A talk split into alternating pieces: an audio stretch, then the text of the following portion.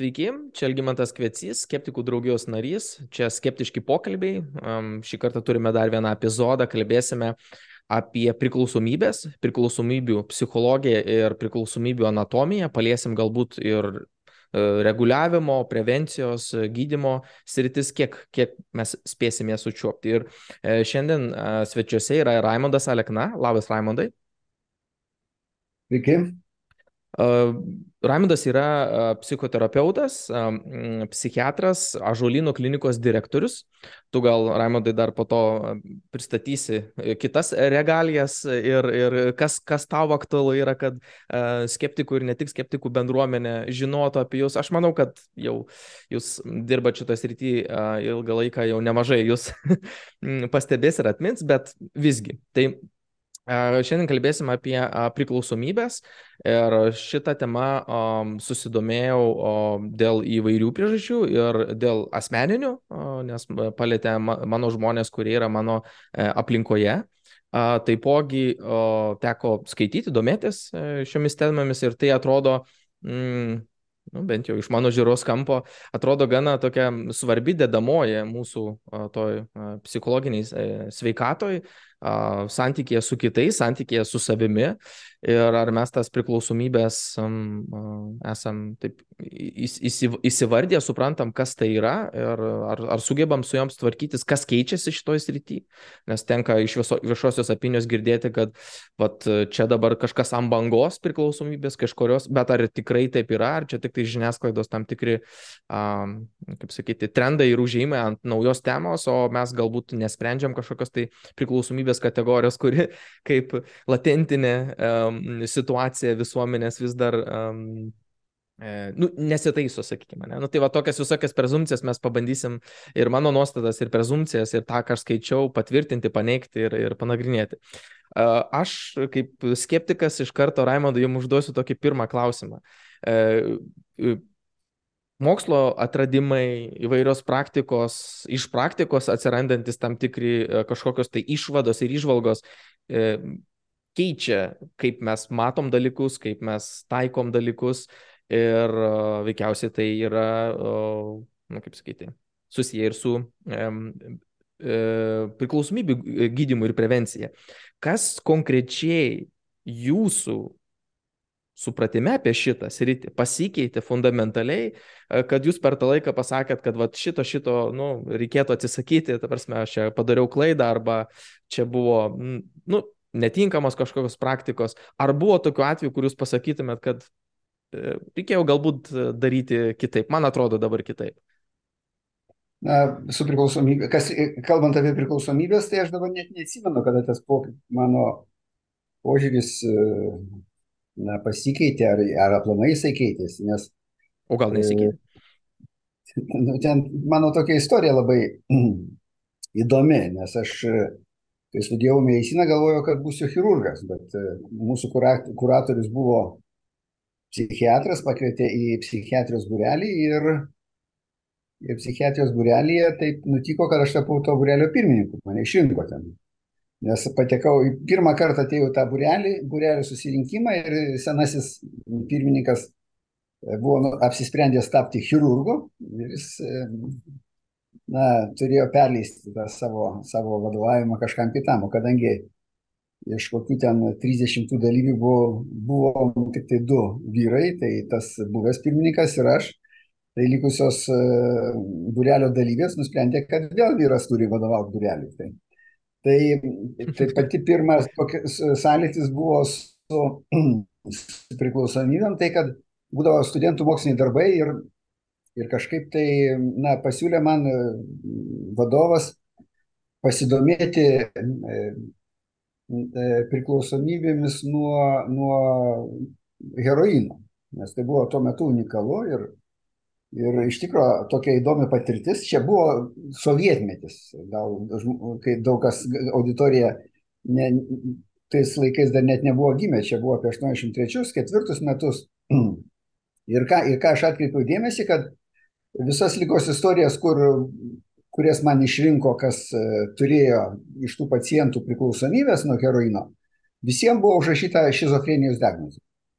Tai sovietmečių buvo tokia, na, tarsi politinė nuostata, kad, kad tik tai šizofrenija sergantis žmogus gali vartoti heroiną. Ir, ir tuo metu buvo toks, na, sakyčiau, kraštutinis požiūris. Antras sąlytis su, su, su, su šitą temą buvo tai, kad aš baigęs psichiatrijos internatūrą irgi turėjau parašyti. Ne, gal subordinatūrą psichiatrijos šeštą kursą baigdamas, aš turėjau parašyti vėlgi darbą, referatą ir, ir gavau tą temą alkoholizmą. Tai vat, pirmieji tie sąlyčio su ta tema taškai buvo būtent studijų dar, dar laikotarpį. Mhm. Vėliau aš dėja dirbau, dirbau poliklinikoje, greitosios pagalbos ligonėje, konsultavau stacionarą, daugia profilinės ligonės ir neturėjau kažko, kažkiek ten daugiau to sąlyčio su, su priklausomybėm, jo labiau, kad tuo metu labai buvo paplitę narkologiniai centrai ir juose buvo koncentruojama žmonių turinčių priklausomybę tas gydimas visas. Ir, na, galbūt kažkoks pirmas sąlytis su, su kitu požiūriu prasidėjo tada, kai aš pradėjau domėtis transakcinę analizę. Ir tai yra? Transakcinė analizė tai viena iš psichoterapijos tokių krypčių, kuri, kurie pradėjo Erikas Bernas, jisai psichiatras, pagal išsilavinimą norėjo tapti psichoanalitiku, bet jis nusivylė ten psichoanalizės e, gydimo, gydimo metodais ir jis pradėjo tokį, na, sakyčiau, socialinės psichiatrijos daugiau, daugiau tą sritį. Parašė labai populiarią knygą, žmonės, kurie žaidžia žaidimus, yra išversta į lietuvių kalbą ir sukvietė savo bendraminčius. Tavo bendraminčių ratas susidarė labai nemenkas iš tų, kurie perskaitė tą knygą ir vienas iš jo tokių bendražygių, Klodas Steineris, irgi rašė apie gyvenimo scenarius, nes transakciniai analizai kalbama apie gyvenimo scenarius. Ir būtent jis lietė tą temą alkoholikų gyvenimo scenarijų. Jis iš tikrųjų, na, transakcija analizė remiasi tuo, kad žmonių psichologinės, psichiatrinės problemos vystosi priklausomai kokiam sąlygom jie kaip formu, kokiam sąlygom jie auga, formuojasi kaip asmenybės. Tai ta prasme. Ne tiek nuo as, as, asmeninių ir biologinių kažkokių faktorių, bet akcentas yra dedamas ant socialinės aplinkos psichosocialinė aplinka. Mhm.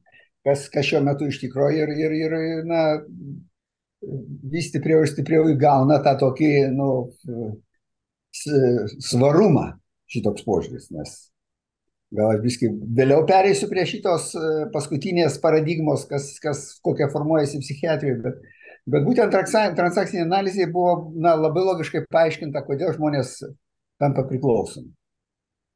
Tai kad transakcinė analizė taiko labai tokį paprastą modelį apie žmogaus psichologinę struktūrą. Vaikas, suaugęs ir tėvas, tai kaip psichoanalizė ten tas ego, superego ir id. Tai vaikas, vaikas ten kalbama ta dalis vaiko, tai kur visi poreikiai e, glūdi ir ta dalis tarsi mums pasako, ko mes norim.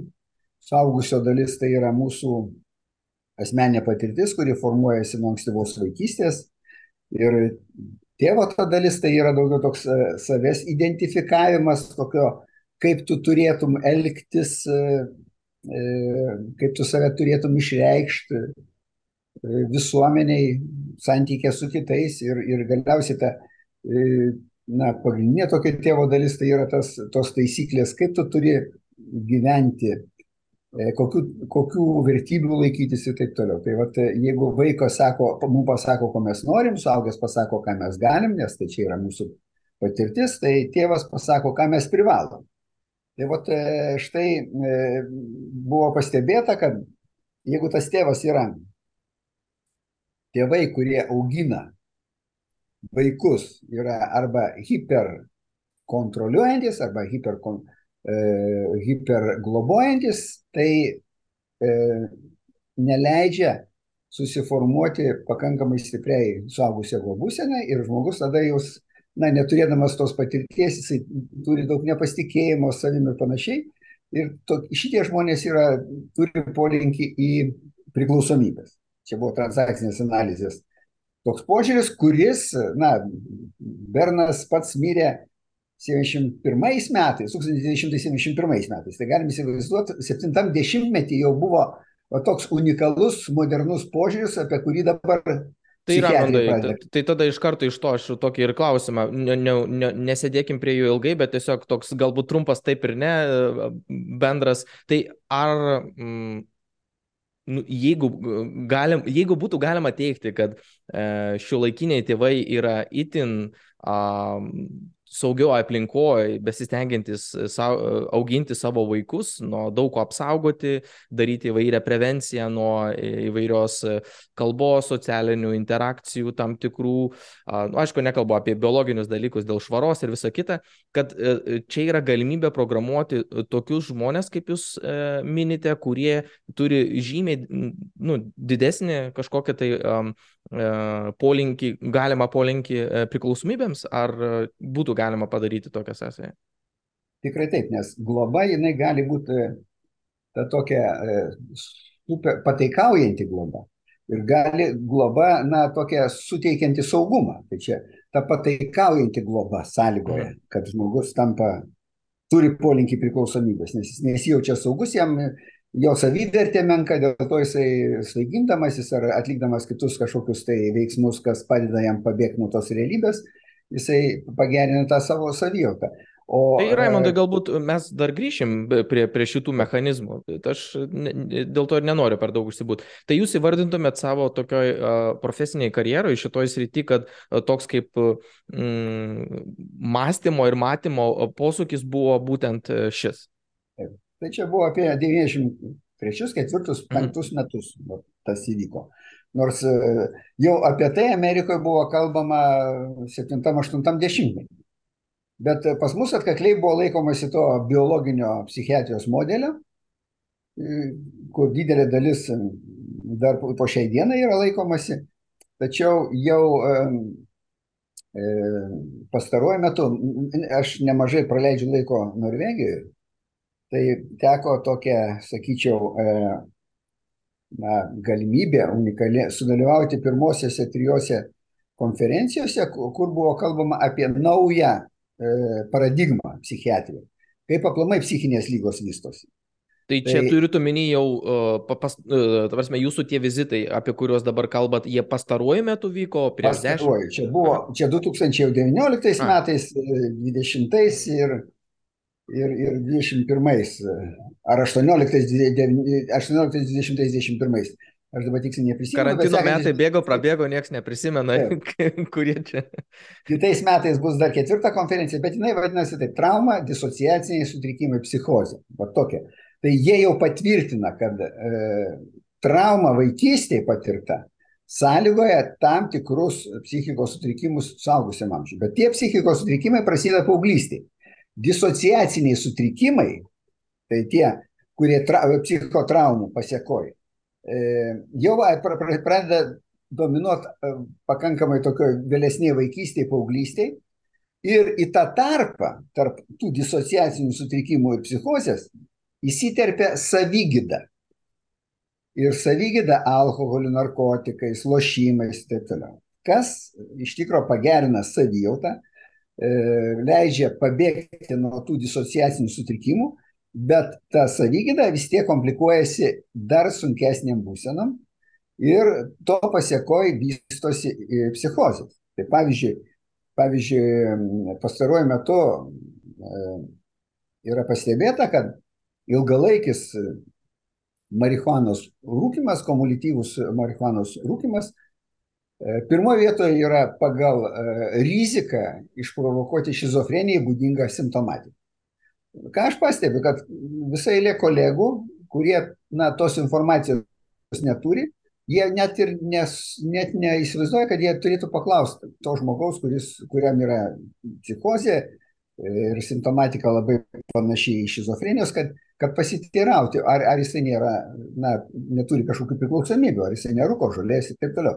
Jo labiau, kad ta žolė labai yra nuvertinama ir skaitoma, kad čia, na, tikrai jinai nekalta ir visa kita, bet, bet iš tikrųjų jinai yra, yra pirmoji vieta pagal, pagal tokią riziką ir dabar e, pastebima e, labai daug jaunų žmonių, kurie būtent e, turi būtent tokią šizofreniją būdingą simptomatiką bet jie e, visi buvo e, marihuanos vartotojai.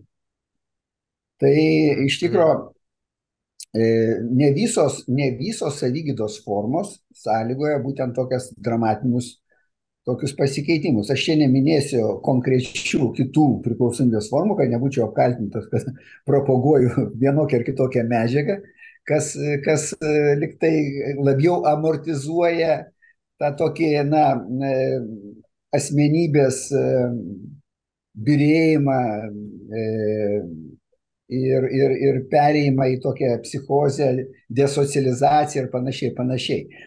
Tačiau, tačiau yra pastebėta, kad, nu, praktiškai absoliuti dauguma žmonių, kurie turi psichikos lygas, jie turi vienokią ir kitokią priklausomybę. Pavyzdžiui, 85 eina, eina paketu.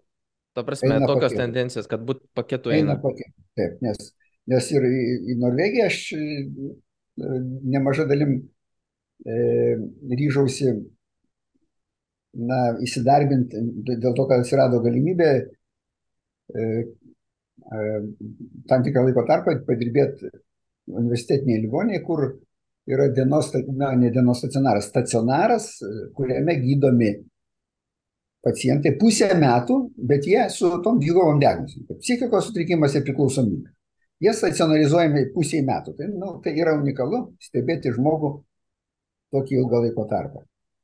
Ir žiūrėti, kaip, kaip, kaip tas procesas, visas gydimo vyksta, kokie rezultatai ir panašiai, panašiai. Tai, tai dabar vis labiau ir labiau populiarėja tie vadinami dvigubų diagnozių skyriai, atsiranda poliklinikos netgi tų dvigubų diagnozių, apie ką yra kalbama, tai kad, kad iš tikrųjų grinų tokių psichikos sutrikimų be priklausomybių na, nelabai be, belieka. Ir, ir aš jau, kaip, kaip yra informacija, kad 85 procentai rūkančių žmonių turi psichiko, psichiatrijos diagnozę. Tai reiškia, 15 procentų, kurie rūko ir neturi psichiatrijos diagnozės, tai vis tiek tikėtina, kad jie turi psichologinių problemų.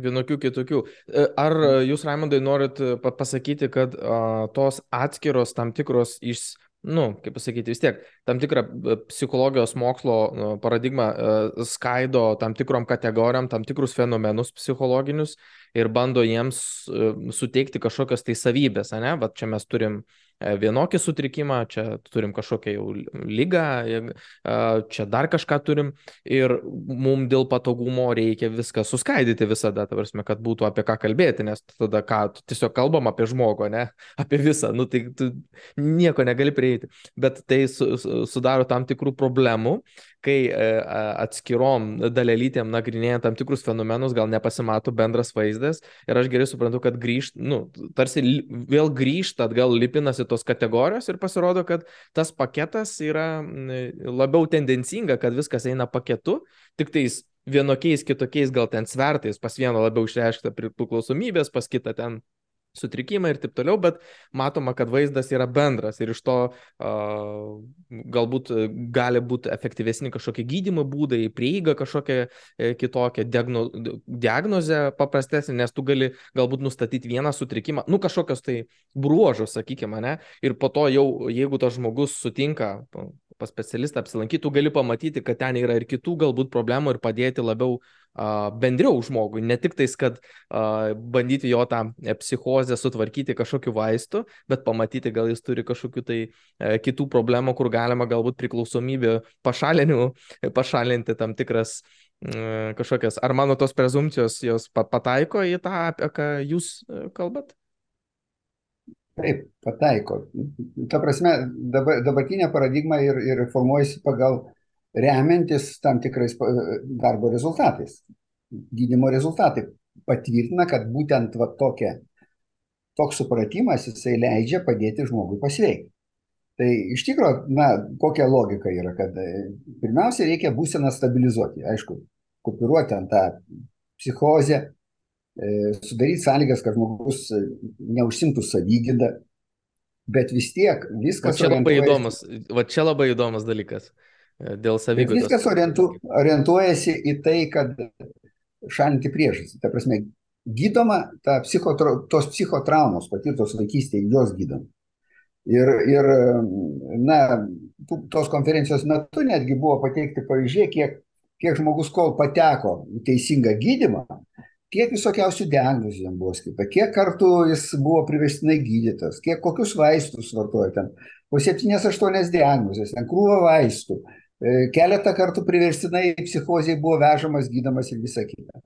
Ir kada kalba apie tą, na jau pas, pasveikimo variantą, tai pranešėjas yra arba pats pacientas, o ko pranešėjas yra terapeutas, arba atvirkščiai. Terapeutas kaip pranešėjas, o pacientas jisai e, sėdi netgi su šeima ir, ir, ir, ir pasakoja tokias istorijas, kai nu, iš esmės jie grįžta į pilnavertį gyvenimą, grįžta į darbą, jokių vaistų nebevartoja, nebereikia vartoti. Tuo prasme, žmogus jisai pilnai, pilnai, pilnai funkcionuojantis, gerai besijaučiantis ir, ir sugebantis savim pasirūpinti, nes, nes tas e, psichinės sveikatos ir, ir jo apibrėžimas yra, kad žmogus yra autonomiškas, jisai pats, pats e, priema sprendimus, pats supranta tų sprendimų pasiekmes ir, ir, ir, ir jis e, geba visą tai na, vertinti, suprasti. Ir, ir, ir aišku, jisai orientuotas į tai, kad, kad tas kasdienės problemos, su kuriam susiduria, kad jis netidėliodamas jas spręstų.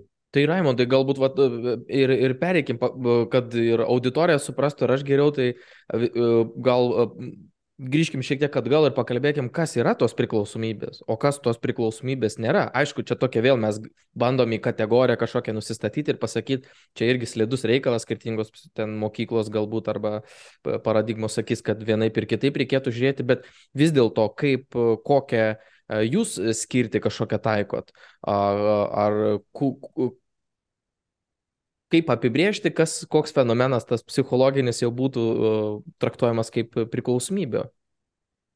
Na tai čia, čia jau galima vadovautis, kad ir pačia pasaulinės sveikatos organizacijos apibrėžimu, kad e, klinikinis atvejis yra tuo atveju, jeigu dėl to turi problemų arba šeimoje, arba darbe, arba su teisėsauga.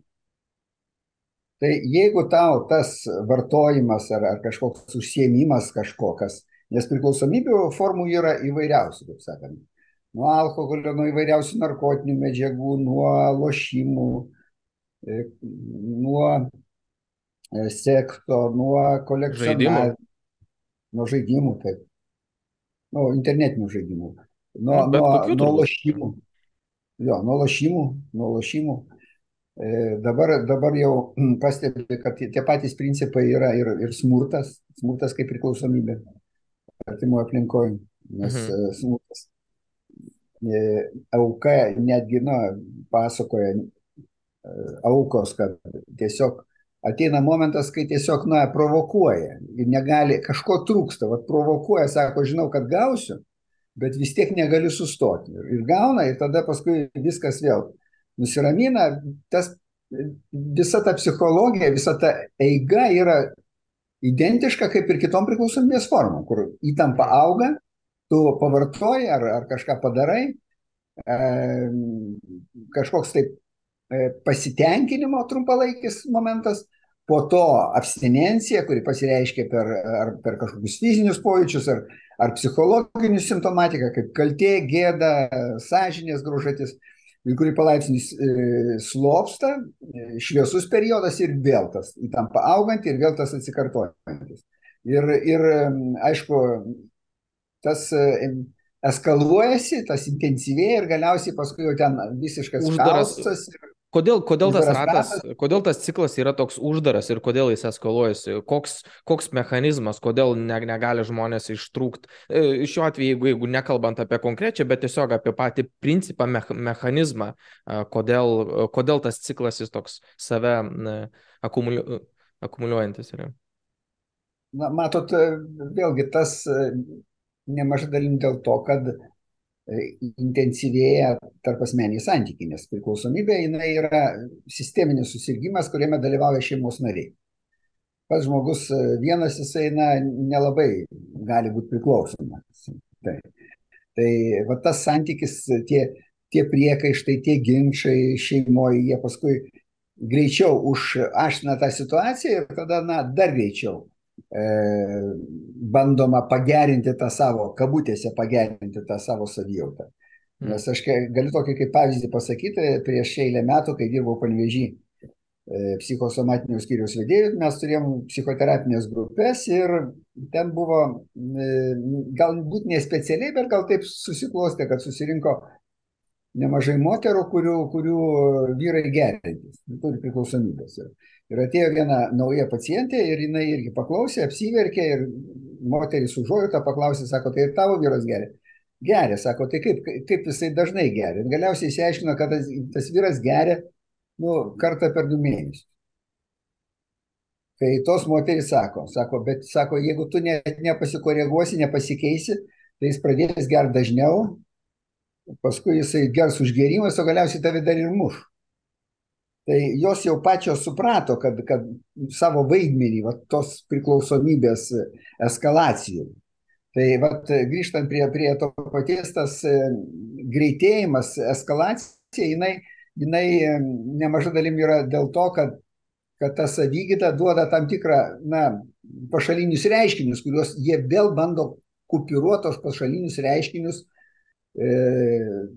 tuo, nuo ko atsirado jie, kaip sakant, kaip yra sakoma, ar, gydykis, gydykis to, ko susirgai. Ar čia gaunasi toks kaip, uh, kai kuria prasme, toks sadomazochizmas tam tikras, kad uh, tu negali be tos kančios, nes jį kažkaip turi savo uh, tokį kaip drive, tam tikrą variklį, kuris verčia tave kažkaip judėti, nesvarbu, ten teigiama, neigiama trajektorija, bet vis tiek kažką verčia tave kažkaip um, nebūti statišku, ne? Ir tau būtinai reikia to dirgiklio, kad tu, vat, tas dirgiklis tada sukelia tas e, socialinės tam tikras situacijas, kurios kelia visą tą nerimą, tada būna kažkoks vat, epogėjus tam tikras ir tada vėl tu esi tam tikroje toj vat, abstinencijos, kur vėl tau trūksta to dirgiklio ir tau vėl reikia ieškotis tos konfrontacijos su savim arba su, su kitais. Bet tu, Raimondai, minėjai, ar galiu vadinti tu?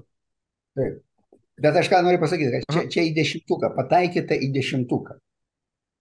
Žmogus siekia, čia yra, na, vėlgi tas klaidingas suvokimas visuomenė, kad žmogus siekia malonumo. Jisai yra, čia yra sadomazochistinis dalykas. Žmogus siekia tos kančios, nes jis yra iš principo mazochizmą linkęs asmo.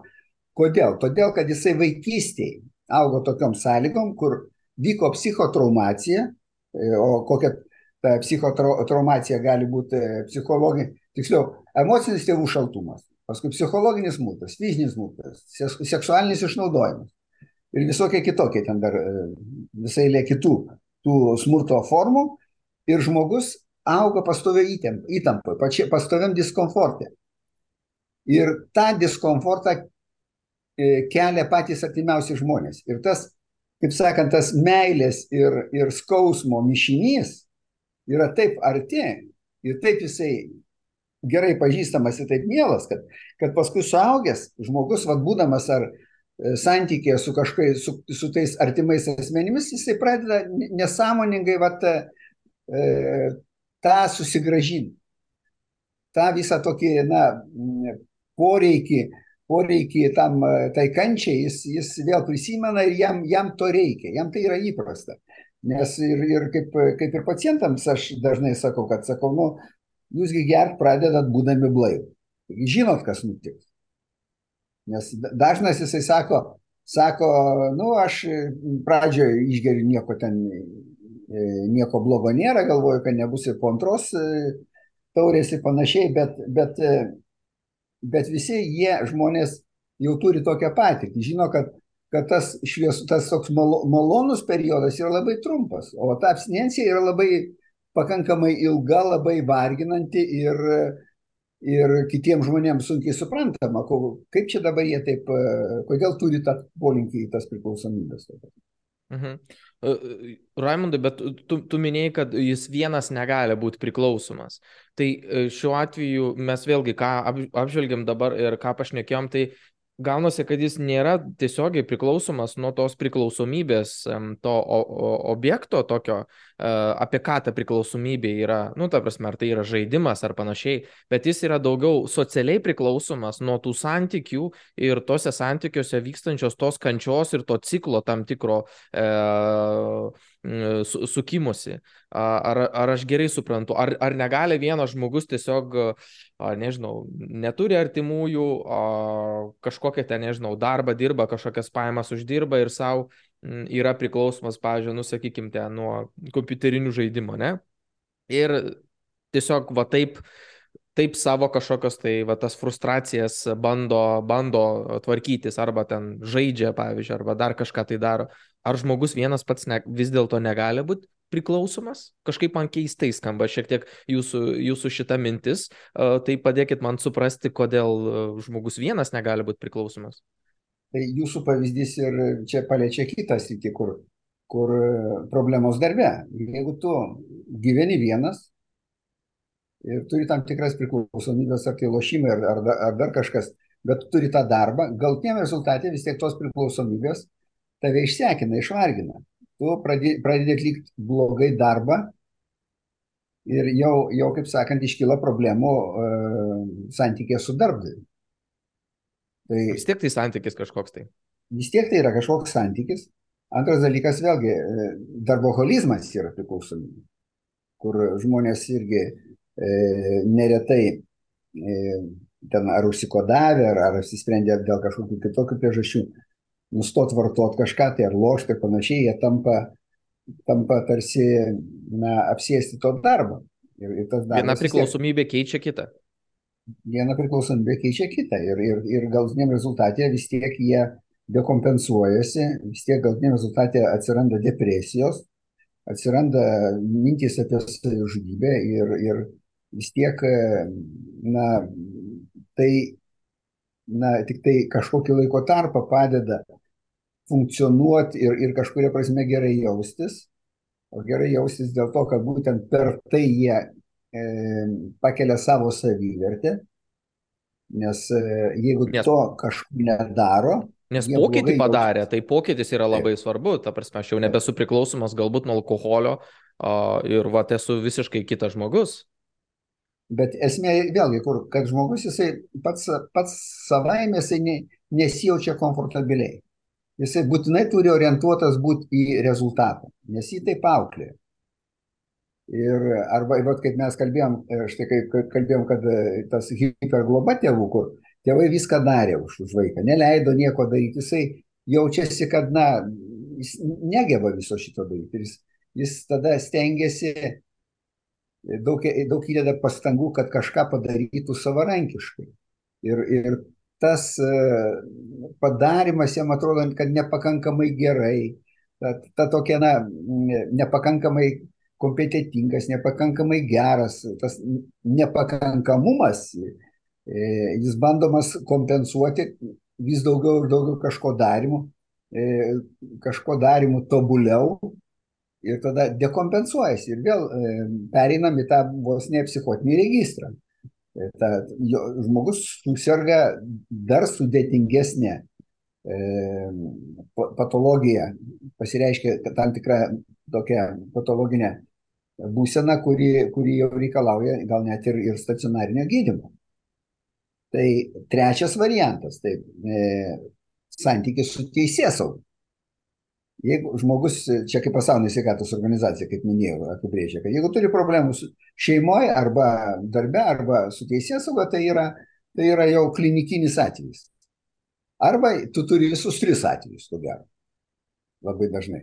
Tai santykis su teisėsauga, jeigu tu vairuoji išgėręs, jeigu tu vartoji nelegales medžiagas, tai tu jau rizikuoji, arba tiesiog, nu, skoliniesi pinigus, kad praloštum ir kad loštum ir, ir negražini, arba skoliniesi pinigus, kad e, galėtum rinkti kolekciją, kas tau yra aktualu, nes tau pajamų nebeužtenka, kad ir tu vienas esi.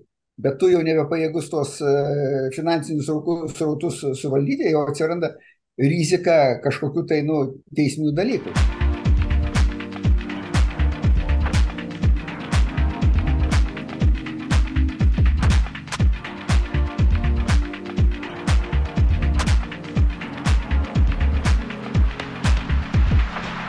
Raimondai, aš norėjau paklausti dėl tos kategorijos tam tikros nu, gyvenimo laikotarpio, tai yra vaikystė ir vaikystės traumos. Jūs jau tą akcentavo, daugybė psichologų tą akcentuoja, knygoms skirta įvairios filosofijos, e, psich, psichologijos e, knygos irgi tą nagrinėja ir visur tas akcentuojama.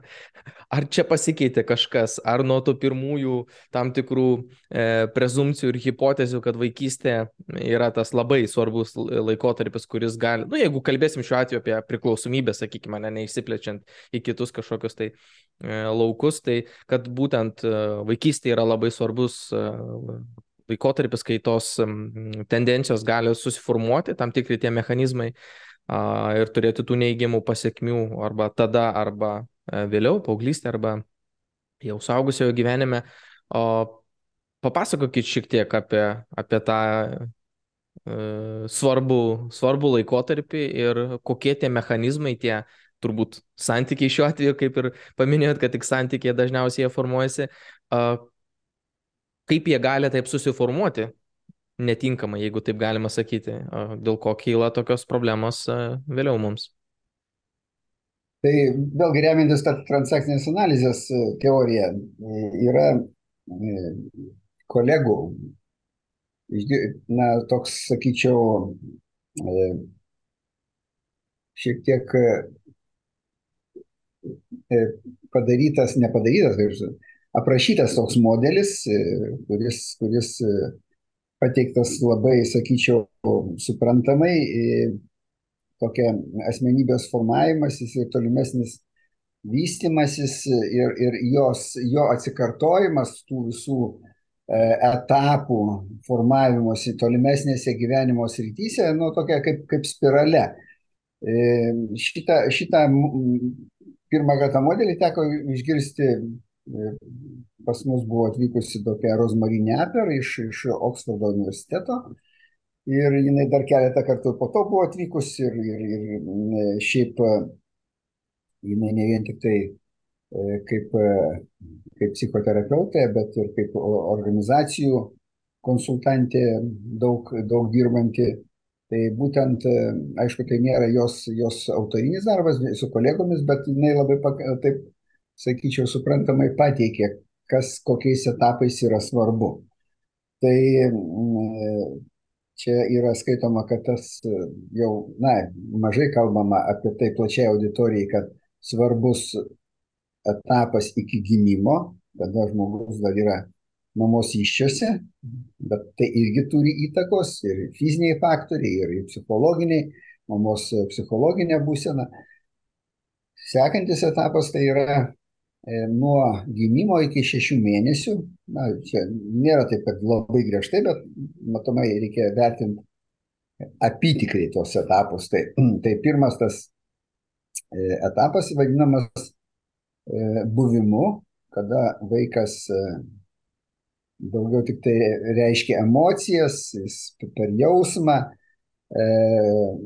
kontaktuoja su, su mama, su aplinka, su, su kitais, kas, kas yra prie jo. Ir štai šitame etape labai, buvo pastebėta, kad yra labai svarbus e, kontaktas, fizinis kontaktas e, su vaiku. Nes mhm. buvo e, teigiama, kad aš nemačiau tos studijos, bet yra teigiama, kad Amerikoje vienu metu ten buvo E, atliktas tyrimas su tuo pačiu metu gimusiais kūdikiais, kuriuos padarino vis dalis, vienus nešė mamom maitinti, kitiem nešė kūdikiam e, mamų pieną. Bet e, labai greitai turėjo tą eksperimentą nutraukti, nes man pastebėjo, kad... Truputį netiškas, ne? jo, kad, ne, kad raida labai, raida ten buvo su mamų sutikimu, aišku, bet raida labai skiriasi vienų nuo kitų. Ta prasme, iš karto pastebėjo ir turėjo nutraukti? Jo, jo, jo, ten savaičių, savaičių klausimas buvo.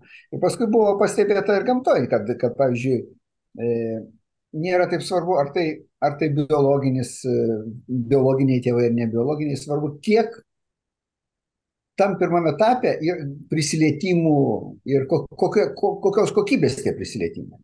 Tai štai va šitas, šitas yra e, etapas, kuomet mes bendraujam su, su aplinka, kai esam kūdikiai E, per tą vadinamą, per somatinę komunikaciją, per fizinę, ką mes jaučiam.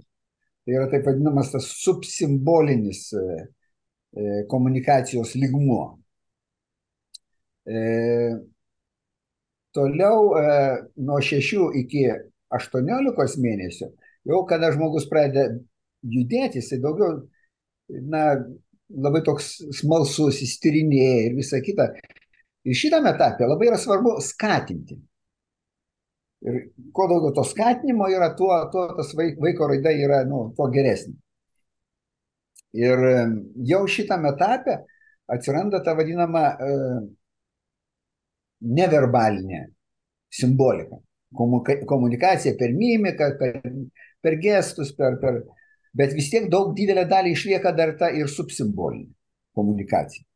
Ir štai e, šitie pirmieji du etapai yra skaitoma patys svarbiausi, e, patys e, pažeidžiamiausi, nes jeigu buvo kažkokių rimtesnių psichotraumuojančių tokių dalykų, kaip, kaip mamos ar, arba abiejų tėvų emocinis šaltumas, mažai kontakto, E, arba nu, mažai kontaktų dėl to, kad mama susirgus buvo pavalyta į ligoninę, vaikas atskirtas. Ar vaikų namuose, pažiūrėjau. Ar, ar vaikų namuose, vėlgi, ir vaikų namuose buvo pastebėta, kad tuose vaikų namuose, kur personalas buvo toks empatiškesnis, nors ir e, sąlygos buvo prastesnės, čia tie tyrimai daryti labai seniai, tai, tai ir, ir, ir tos sąlygos buvo visai kitokios, negu kad dabar galėtų būti. Bet e, pastebėta, kad ir, ir maisto kokybė prasta buvo, ir, ir, ir, ir žaislų netaip, e, rūbų galbūt netokių gerų. Bet žmogiškasis faktorius, jeigu būdavo, tie vaikai mažiau sirgdavo ir, ir išgyvenamumas buvo gerokai didesnis negu kad, kad ir turtingi ten tie vaikų namai, bet personalas yra toks, na, šiek tiek e, akademiškas, laikosi kažkokių taisyklių, bet ne, ne to ne, nerodo tos meilės. Tai žiūri formaliai tą darbą. Tai ir sergamumas, ir mirtingumas būdavo didesnis. Tai va čia buvo pastebėta, kad pirmi du metai yra turi lemiamos, lemiamos įtakos šizofrenijos registro susirgymam išsivystyti suaugusiam amžiui. Tai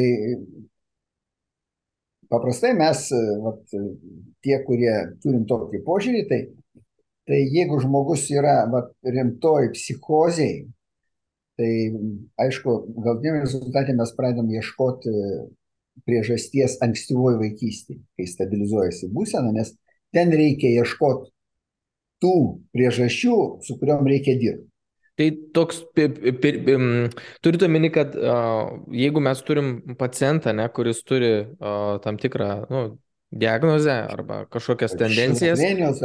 Jo, jo. Bipolinio tai, su psichoze taip turbūt ir ten bus jų, jų, jų ta prasme, kad mm, linkstama, linkstama kaip po nu, pradinį tašką iškart žiūrėti, ta prasme, į pačią ankstyviausią vaikystę. Ir jeigu, pavyzdžiui, ten bus tikrai daugybė tokių faktorių, kaip vieno iš tėvų nebuvimas arba kažkokie tai, aišku, nu, pažiūrėjau, augimas vaikų arba kūdikių namuose, kur veikiausiai mažesnė, mažesnis kontaktas ir, ir, ir, ir buvęs, tai veikiausiai iš karto tai būtų tam tikros jau tie vadinami red flagai, tam tikros indikacijos, kad vat, jau čia reikėtų atkreipti dėmesį. Taip.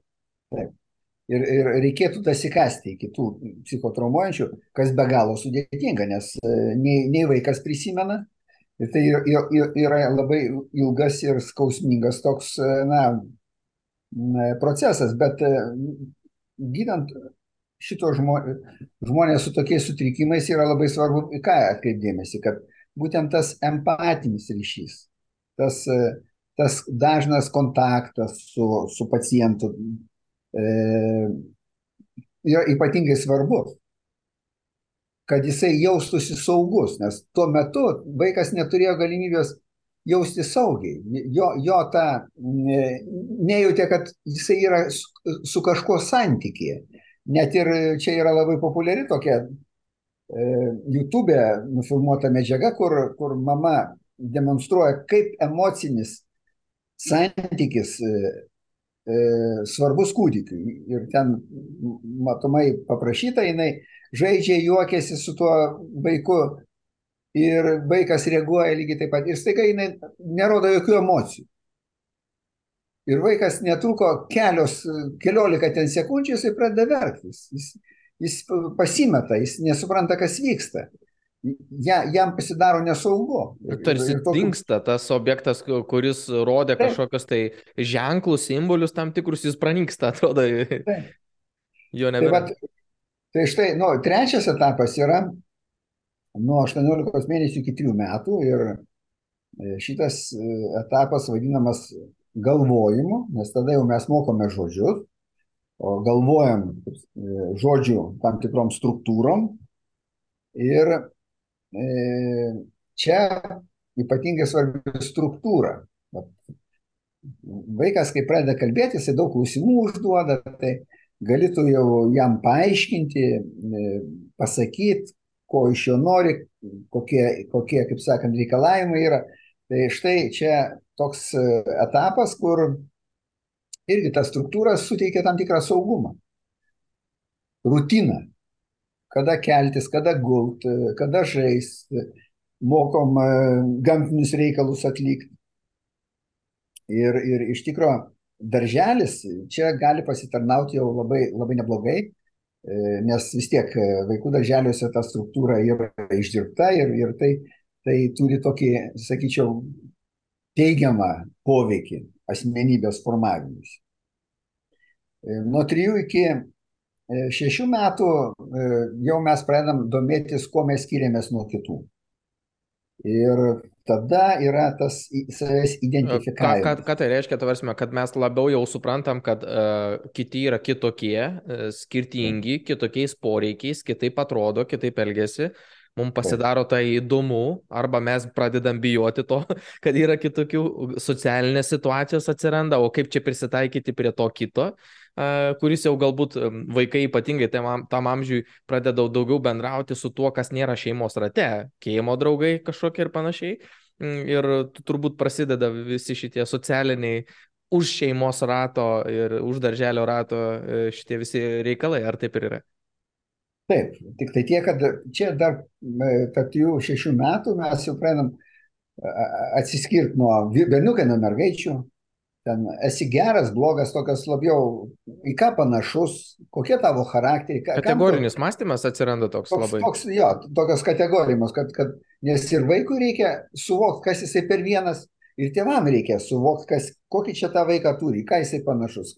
Kad atskirti, ypatingai keletas ten tų e, vaikų, jeigu yra, tai jie nu, negali būti jiems e, visi vienodi, nes jie patys ne, nesusiorientuos, kaip čia su kuo bendrauti. Tai Bet jau tie visi socialiniai santykiai, socialinis įgūdžiai visi tie formuojasi nuo, nuo 6 iki 12 metų, kada mes patenkam į mokyklą. Tada mes jau savo tą supratimą, kokie mes esam, pasitikrinam įvairiuose srityse. Mokykloje, už mokyklinėje veikloje, kieme ir taip toliau. O tarp 3-6 metų tai ten, na, e, tėvai ten jau kaip ekspertai sprendžia, ar vaikas gabus muzikai, ar piešimui, ar matematikai, ar, ar dar kažkam ten, kaip, kaip aš e, pavyzdį pasakau, kad nu įsivaizduokim ten kokiam valstietis ten prieš, prieš šimtą metų, nu, jisai apie žmogaus ten kažkokią psichologiją tą žinių tikrai ne, neturėjo labai daug. Jisai kažkokį supratimą iš kartos į kartą apie žmonių elgesio modelius e, gal ir buvo susidaręs, bet jisai vis tiek kaip ekspertas vertina, nustato, kam tas vaikas bus gabus, kuris jisai turės problemų. Bet kai jisai tą komentuoja, vaikas girdi. Jisai pradeda elgtis taip, kaip e, tie e, suaugę žmonės ko, e, komentuoja. Ir štai čia yra labai svarbus tas vadinamas pripažinimas. Nesvarbu, ar tai pozityvus ar negatyvus. tau reikia susiorientuoti, ką tai reiškia. Prašau. Patikslink, ką tai reiškia pripažinimas. Pripažinimas tai, na, toks patvirtinimas, kad tu esi toks. Gauni stimulą uh, už kažką tai. Kažką tu padarėjai, tu gavai tą tokį. E, Tu turi mini, pavyzdžiui, yra sukeliamas kažkoks tai e, tėvų lūkestis, kad oi, čia bus futbolininkas, ne? Nu, sakykime, ne. Tada ten uh, užrašai burelį ir jam sekasi ar jai uh, žaisti tą futbolą, ne? Ir jeigu jis gauna dar patvirtinimą, kad šitas jo identitetas užmestas ir, ir priimtas, uh, uh, kaip čia sakyti, uh, savo noro arba ne savo noro priimtas tas naujas identitetas ir ta kažkokia kryptis, jeigu jį pasiteisina, tai tai du- duoda gerus rezultatus tai tam asmeniui, ta prasme, nes jis mato, kad arba pri- priimtas, arba e, duotas identitetas kaip ir veikia, atrodo, ne, šitas mano kaip ir veikia. O jeigu neveikia, jeigu neveikia, na, matot, vėlgi neveikia tuo atveju, jeigu, jeigu jau yra tas identifikavimas, kad jisai neveikia. Tai čia kaip pavyzdį pasakyti galima tai, kad e, nustato, kad vienas iš jų iš šeimos vaikų yra išdykėlis. arba jeigu jisai- daktaras bus, bus daktaras. ne? Tai čia jau paskui, bet, bet pradžiai, pradžiai, kad išdykėlis. Ir, ir dabar e, tėvai paprastai tik tai pastebi tada, kai jisai išdykauja. Kai jis neišdykauja, jisai negauna jokio dėmesio. Ir tada vaikas jisai pastebi, kad jeigu jisai nori būti pripažintas, pamatytas, būti svarbus, jam reikia išdykauti. Nes tada gaunasi toks selektyvus pastebėjimas. Ai, man patinka kitas- šitas dalykas. Aš tai vadinu šitą dalyką, kad uh, aš tokį, tokį vaizdinį irgi tu- turėjau, kad tu, mm, kaip sakyti, bet kokią kainą turi tą įgyvendinti, tą pripažinimą. Kitaip sakant, ar jis teigiamas, ar jis neigiamas, bet kokią kainą tu turi jį nuturėti. Nes jeigu tu, kaip pasakyti, netkreipi dėmesio, negauni vertinimo, uh, nesitame rate ir panašiai, tai kur tu esi, tarsi kabi ore ir su nieko nesi susijęs tai tau tos sąsajos tam tikros, nesvarbu, ar per teigiamą, ar per neigiamą, yra būtina. Tai va čia galbūt toks irgi labai ryškus, toks irgi mokykliniam, galbūt e, irgi paauglystės laikotarpiu tas noras bet kokią kainą mm, sukelti tam tikrą kažkokią tai uh, uh, bū, būti pastebėtam. Arba ir, ir bet kokią kainą, kad ir kokia jį būtų čia. Nes, matot, ten tas pripažinimas yra e, poreikis būti pripažintam. Tai yra psichologinis maistas. Ir ten gali būti tas to pripažinimo įvairūs intensyvumas, įvairios formos to pripažinimo, gavimo, prieimimo, prašymo, atsisakymo. E, Apie tai nemažai rašė tas Klodas Steineris ir, ir, ir jo irgi viena knyga yra išversta į lietuvių kalbą. E, Knyginuose mačiau yra tas, kas, kam ta tema įdomi, galėtų, galėtų pasiskaityti, bet, bet esmė kur yra, tai kad e, įsivaizduokim, kad šeimoje, vienoje šeimoje tėvai įsivaizduoja, kad vaiką gali gerą tik tai užauginti tada per, per bausmes, per kritiką, per parodymą klaidų, o kitoje šeimoje, na, e, skaito, kad na, vaiką reikia girti, reikia pasidžiaugti už jo pasiekimus, ir, ir nekritikuoti, ne, ne, ne, nebarti, jeigu jisai suklysta, nes žmogus, jisai viso labo žmogus, jisai klystantis ir čia, na, dėl to nereikia to akcentuoti. Tai žmogus ir suaugęs. Vienas, kad gautų pripažinimą, jisai būtinai turės e, daryti klaidas, nes, nes kitu atveju jis negaus tos kritikos. Jeigu jam įkas kažkas, kažkas gyrė, jisai nepatogiai jaučiasi, nes jam tai nėra įprasta. Jis nuo vaikystės neįpratęs prie viso šito. Tai, tai va tas, kodėl psichologinis maistas? Tai, tai kad jo reikia pastoviai, e, negali tu gauti jo ilgam, kaip kad ir pavalgyti ilgam. O antras dalykas tai, kad e, mes ir turim kiekvienas iš savo šeimos atsinešę kažkokį tai e, prisiminimą apie kažką tokio ypatingo, ką mama gamino. Vienoje šeimoje vieną gamino, kitoje šeimoje kitą gamino. Ir tai tarsi ginčas būtų, kieno mama geriau gamino. Mhm. Tai būtų toks, na, beprasmis. Tai lygiai taip pat ir tas pripažinimas, jisai ar pozityvus, ar negatyvus, jisai viso labo yra pripažinimas. Jo, tai jis funkciją savo atlieka ir viskas. Taip. O jūs sulyginot su to psichologiniu maistu, bet vėlgi turbūt čia kokia to psichologinio maisto porcija ir kiek jį dažnai vartojama, turbūt irgi labai skiriasi. Vienam gali būti uh, tiesiog uh, labai intensyvus poreikis tam, kitam gali būti jis nu, kažkokiais kitais intervalais ir, kit, ir kitais stiprumais turbūt labai, labai skirtingas. Nes pri, pripažinimas jis vėlgi gali būti savęs pripažinimas savo galvoj stebint kitus. Gali, pripažinimas antras toks ligmuo yra per ritualus, kada mes pasisveikinam, paklausim, kaip, kaip sekasi. Čia vėlgi priklausomai nuo to, su kuo mes čia sveikinamės, kas kalba, tas intensyvumas to pripažinimo skiriasi jau. Toliau tie vadinami kokteilių vakarėliai, tie e, tokie pašnekėsiai lengvi prie apie sportą, apie politiką, apie madas, vėlgi kokia tai kompanija, kiek tau leidžia pasi, pasireikšti toj kompanijoje tas pripažinimo intensyvumas. Toliau yra profesinė veikla, karjera ir, ir, ir galiausiai, na, tas intimus, intimus gyvenimas, kur tu gali atverti savo širdį, pasipasakot e, ir taip toliau. Bet esmė tame, kad e, vat, intensyvumo galimybei augant, auga tiek, na, galimybė gauti ir tą pozityvų, tiek ir negatyvų tai pripažinimą. Taip. Tai vėlgi priklausomai nuo to, prie ko mes esame įpratę, tokio mes ir siekiam. Tai čia šitoje vietoje yra tą, ką jūs sakėt, kad bet kokiam sąlygom pasi, pasiekti, kad būtų, kad gautų tokį pripažinimą, kokį, kokio man reikia, tai yra aprašyta e, Richardo Erskinės ir Merlin Zaltzman reketo sistemoje. Dabar tą reketo sistemą šiek tiek. Tai čia reketas tam psichologiniam maistui? E, reketas, reketas tai yra kaip sistema, kuri pakeičia jausmus. Ankstyvieji vaikystėje priimti sprendimai apie save, apie kitus ir apie gyvenimą sąlygoja tam tikrą emocinę būseną. Ir tokiu būdu mes su ta emocinė būsena išstumėm tos natūralius jausmus, kurie turėtų kilti natūraliai santykėje su dabartimi. Nes mes gyvenam tam tikrose savo įsitikinimus. Praeitimi tam tikrą tam, tam tikrą prasme. Ir, ir ta emocinė būsena, jinai sąlygoja tam tikras mintis ir tam, to, tam tikrą elgesį, kuris duoda rezultatą, kuris dar labiau sustiprina tą mūsų tikėjimą. Ir jeigu mes įsivaizduojam, kad aš esu, na, sėk, sėkmės kūdikis, kiti draugiško gyvenimo šventė, tai aš su tokia emocija tik tai pozityviai galvoju, šipsausi, elgesys mano toks draugiškas, žinoma, kad aš gausiu patvirtinimą, kad, kad, kad taip ir yra, nes nu, niekas, niekasgi ten labai nesikabinės prie malonaus žmogaus. Bet jeigu ir kas nors kabinėsis prie to malonaus žmogaus, tai tiesiog tu nepastebėsi, ignoruosi. Tu vis tiek rinksi faktą, e, to, tos faktus, kas patvirtintų tavo tą iš, iš ankstinį tikėjimą. Jo, selektyviai.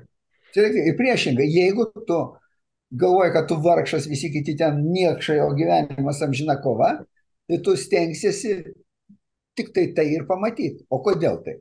Tai yra sukuriama tam tikro saugumo jausmas, tam tikra, kad tu, iliuzija, kad tu gali nu, nuspėti, kas bus. Ateities prognozės tau tarsi Kaip, kaip ten self, self ten actualizing prophecies, tos pranašysės, kurios pačios išsipildo, pats sukūrė ir pats uh, iš faktų surinkia ir į tau išsipildo. Bet, Raimondai, pakalbėkim galbūt apie tai, jūs paminėjot skirtingus tuos etapus.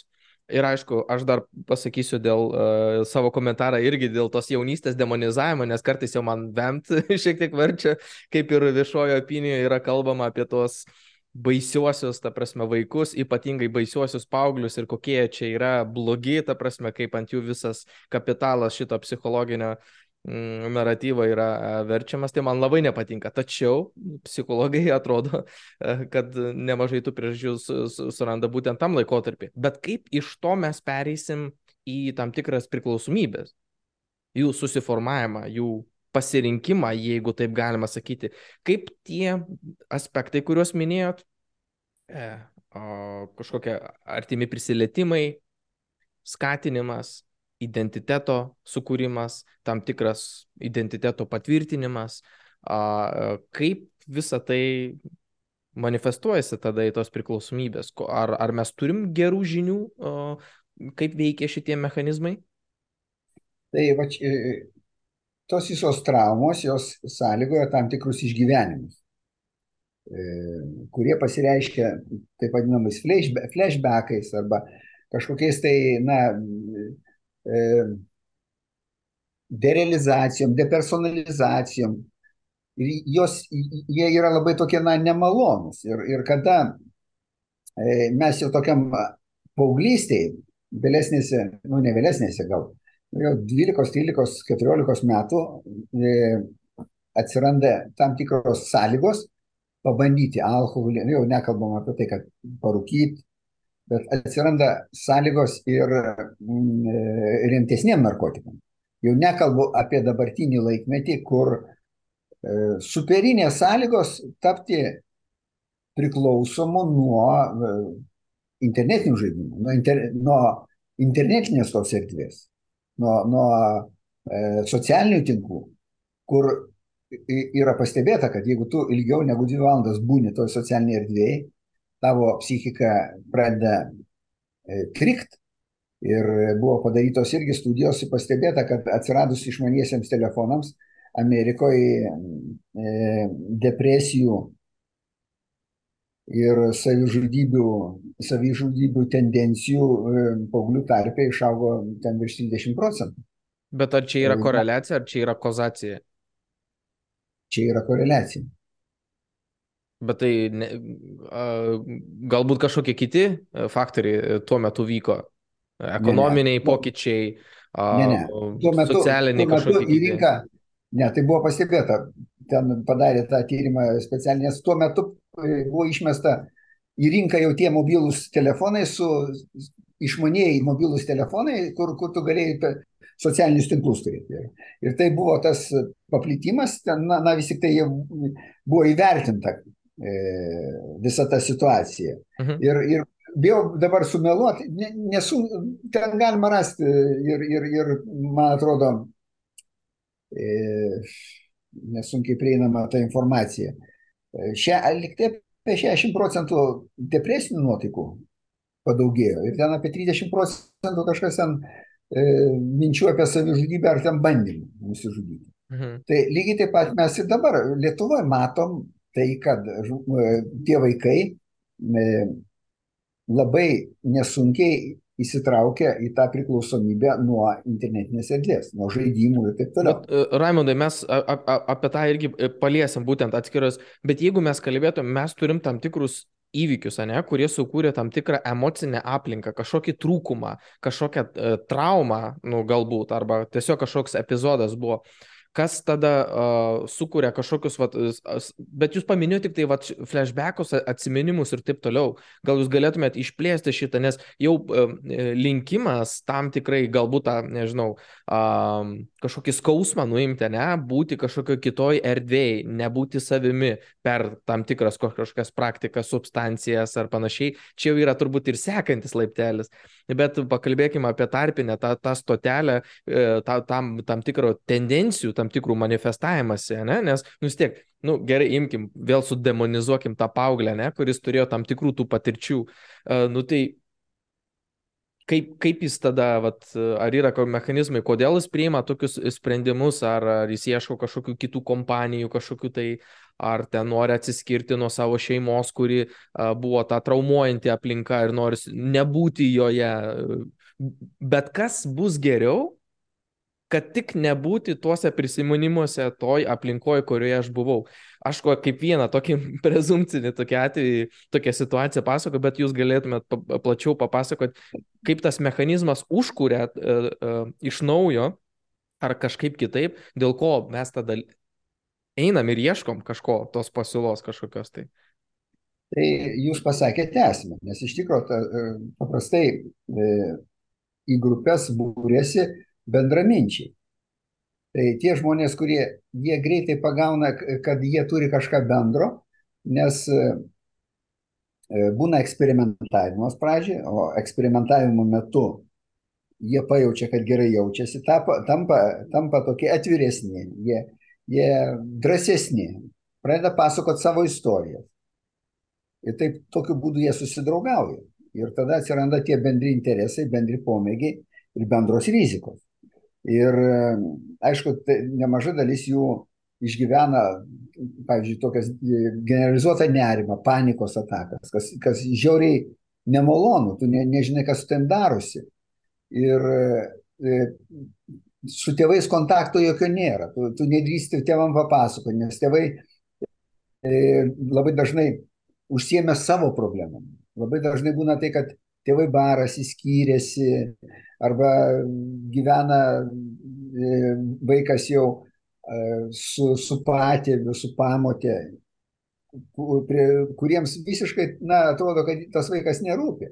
Ir tada tie paaugliai, tie bendramžiai, jie tampa tarsi e, tie žmonės, kurie gali jo suprasti. Ir jie, jie, paaugliai, jie tą akcentuoja, kad va, štai mane supranta draugai, kad ta draugystė tampa labai svarbi. Ir aišku, e, pajaučia tą palengvėjimą, kurio paskui jie nori ir vėl ir vėl patirti. Ir tada palaipsniui tas e, tampa kaip, kaip e, na, formuojasi ta priklausomybė. Ir, ir yra atlikti tyrimai ir pasti, toks pastebėjimas, kad, kad pavyzdžiui, iš keturių pabandžiusių tik tai vienas tampa priklausomas. Tai, tai ką tai sako? Tai sako, kad medžiaga pati arba kažkoks veiksmas jisai nėra pats savaime pavojingas. Kad, kad pavojus yra tam žmogui, kuris turi tuos psichologinius e, skausmingus išgyvenimus. Kad jis tam Predi, predispozicijas tam tikras. E, taip, taip. O e, eksperimentuotojų ten, kurie paskui E, na, vieną ar ten porą kartų pabandė, daugiau negrįžta prie to. Kodėl? Todėl, kad jiem to nereikia. Jiem tai neaktualu. Jie nieko nepatiria. Dažniausiai jie patiria kažkokius galbūt negatyvius išgyvenimus. Tos, tos uh, pirmas užsirūkimas ar pirmas išgerimas ar, ar ten kažkoks galbūt kažkokių narkotikų panaudojimas, kuris, nebūna kuris labiau asocijuos, nebūna pats geriausias ir, ir kaip E, Michaelas Gosapas e, gyvenimo su narkotikais knygoje ir aprašo, kad, kad vat, būtent tokiuose bendruomenėse e, mes mokomės vartoti ir jaustis, kaip turim jaustis pavartoję tą. Tai yra labai didelis tas placebo efektas va čia šitam, šitam priklausomybių, priklausomybių sutrikimų dalyje. Nu, patikslink, Raimondai, ką tu turi minį. Ar kad, ar visada, nu, nu, paimkim hipotetinę situaciją, ne? Kažko žmogus griebėsi, kad savo tam skausmą nerimą kažkaip tai už, užslopintų, užgoštų. Ar, ar tu turi minį, kad netgi ta, tas veikimo principas, nu, kažkokio tos veiklos ar substancijos netgi iš tikrųjų kaip ir neveikia ir tik placebo efektas e, duoda tą tokį nu, nusiraminimą arba efektą. Nu, patikslink, e, aš nelabai suprantu Na. su kitais dalykais kaip homeopatija ar, sakykime, tiesiog vaistai, aš daugiau susipažinę žinau, bet kaip placebo efektas šiuo atveju priklausomybės šitam procese veikia. O, tai lygiai taip pat kaip ir, kaip ir su kitais vaistais, nes e, vaistas yra geras, jeigu jo efektas bent kažkiek geresnis negu placebo. Tai reiškia, kad bet kuris vaistas, bent jau psichiatrijoje naudojamas, jisai turi placebo efektą. Ir tas placebo dalis yra labai nemaža. Tai lygiai taip pat ir, ir tose kitose psichoaktyviuose medžiagose yra tam tikras placebo efektas. Ir, ir kaip kad Michaelas Gosapas yra prašęs, kuris vienas iš garsiausių priklausomybių psichiatrų dar po šiai dienai veikiantis ir su paskaitom važinėjantis ir, ir ta, ta jo knyga buvo leista, išleista gal ar 8 ar 18 kartų papildomai. Tai yra beseleris, bet buvo atliktas ir, ir tam tikras tyrimas, kur pastebėta, kad, pavyzdžiui, alkoholio vartotojai šiaurės šalyse, Didžiojo Britanijoje, na, jie turi būdami apsvaigus, darosi gašlus, agresyvus ir taip toliau. O viduržėmio jūros regiono gyventojai darosi socialūs, tokie malonūs, plepus. Ir buvo alkoholis pakeistas placebo. Ir rezultatą tokį padarė.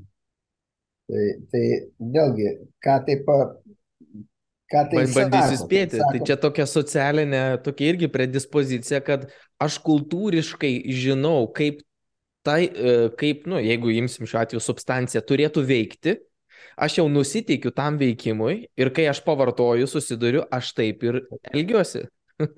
taip. taip.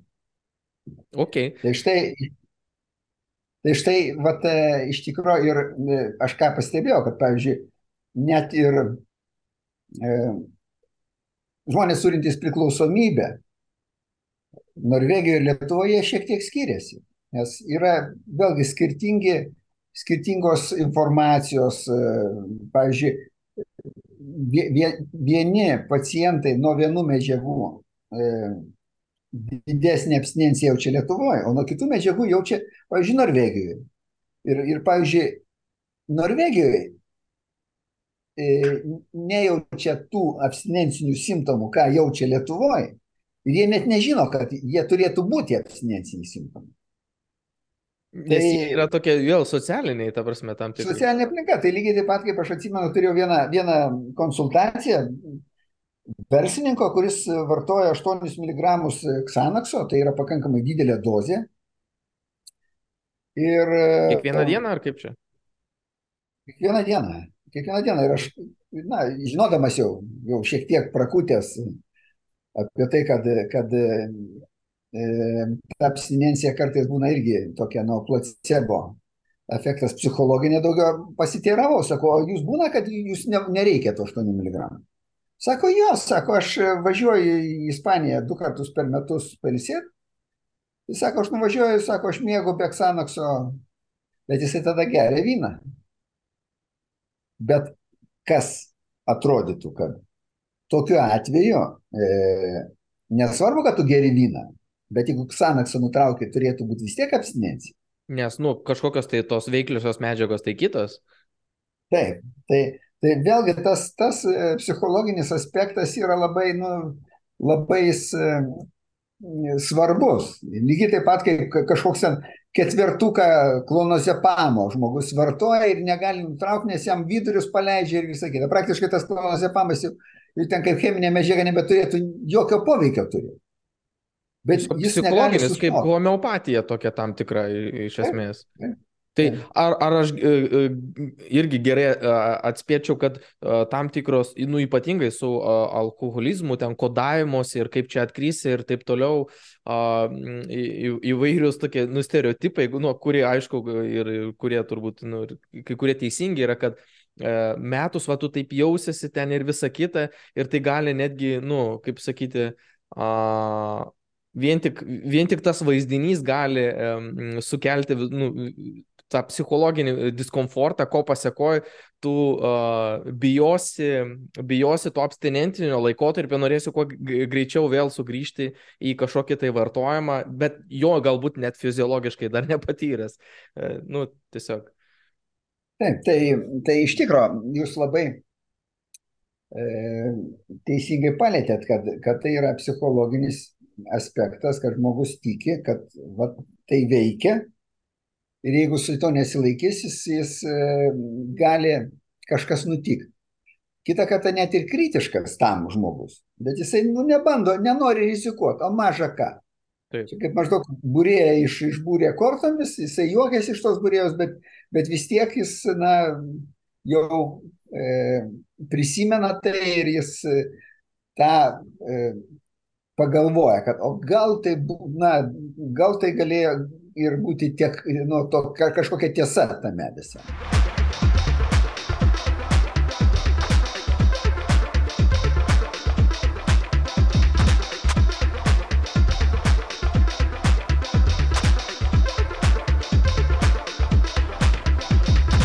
Raimondai, jūs minėjot ir, ir, ir, ir lošimus, ir, ir žaidimus, ir tam tikras substancijas, o ar gali būti žmogus priklausomas nuo socialinių santykių, nuo grupės tam tikros ir panašiai? Man toks klausimas Taip. iškilo, kad uh, ne viena uh, al, ypatingai su alkoholizmu uh, dirbanti įstaiga uh, uh, turi tam tikri centrai, uh, turi tam tikras praktikas uh, paremtas, uh, kaip čia pasakyti, religinio tikėjimo o, o, praktikomis, kad viena dalis viso to gydimo yra a, žmogaus tam tikrų įsitikinimų pakeitimas, transformacija tam tikra. Netgi aš kaip skeptikas galėčiau sakyti tam tikrą indoktrinaciją. Ir tai yra pasitelkiamas būdas um, gydyti e, pacientus. Ar esu girdėjęs ir apie, te, nu, kaip sakyti, teigiamas to, tokios praktikos implikacijas, taipogi ir apie neigiamas mano galbūt pirminis klausimas šitoj, šitoj vietoj būtų, ar gydimas tokiu uh, metodu nepakeičia vienos priklausomybės priklausomybę kitai, į kitą priklausomybę. Jeigu tu turi tam tikrą priklausomybę nuo a, tam tikros substancijos ir esi pažeidžiamas a, tuo metu, a, tai to pažeidžiamumo a, metu tau suteikiama nauja kažkokia kategorija, kaip, nu, pažiūrėjau, Dievas kažkoks tai vienoks ar kitoks, ir pasakoma, kad tu esi kažkaip sukurtas pagal jo vaizdinį, kad va čia yra pragaras ir taip toliau, kad reikėtų elgtis. Ir visa ta istorija yra papasakoma žmogui, kuris a, turi a, ir taip yra pažeidžiamas. Ir kas be ko jį supa tada ta aplinka, kuri galimai irgi yra e, tikinti, sakykime, tomis idėjomis ir žmogus, kas be ko, nu jaučiasi saugus, kad, aha, nu, gal taip ir yra, o čia yra žmonės, kuriais aš galiu pasitikėti. Ar čia nėra užkeitimas vienos o, priklausomybės kita ir kokios galimos yra implikacijos tokio būdo ir metodikos? Ką jūs galėtumėt pakomentuoti? Tai čia galima sakyti ir taip ir ne, nes E, galima, vėlgi mes žinom, kad priklausomybės nuo sektų yra. Tai viena iš priklausomybės formų. Tai jeigu mes būrėmės į kažkokią tai bendruomenę, tai ir ta, be tos bendruomenės mes negalim niekaip išgyventi, nėra to e, absoliučiai kažkokio kaip e, savęs identifikavimo kaip atskiro vieneto. Tai, Autonomijos kažkokios tai, ne? Kaip autonomijos, jeigu nėra, tai tu esi priklausomas. Kitas momentas, e, būrėtis anoniminius alkoholikų tos e, klubus, tai, tai vėlgi čia mes nekalbam apie, apie kažkokį gydimą, čia mes kalbam apie susilaikymą nuo vartojimo tos medžiagos vienokios, ar tai būtų alkoholis, ir tai jeigu anoniminiai narkomanai, tai nuo, nuo narkotinės medžiagos. E, tai čia yra žalos mažinimas, bet a, kokiais atvejais gali būti traktuojama kaip vienos priklausomybės pakeitimas kitų, tada, kai, kai žmogus, pavyzdžiui, jeigu jisai e, išgyvena tos pačius simptomus, ką jis ir vartodamas. Pavyzdžiui, jeigu artėja tas, tas susirinkimas, auga kažkokia įtampa tam susirinkime, ta įtampa iš, iš, iš kažkiek tai išgaruoja, žmogus po to geriau jaučiasi, bet jeigu jisai į tą susirinkimą nenueina, jis jaučia kaltę, kažkokią gėdą, sąžinės graužatį, tai, tai akivaizdu, kad jau, nes tie trys e, jausmai, kuriuos aš vadinu parazitiniais, jie yra kaip trigeriai priklausomybei. Tai kaltė, sąžinės graužatis ir, ir, ir gėda. E, jie paprastai trigerina tą e, na, atkritimą, vėl pavartojimą, vėl pabuvimą tokioje būsenoje.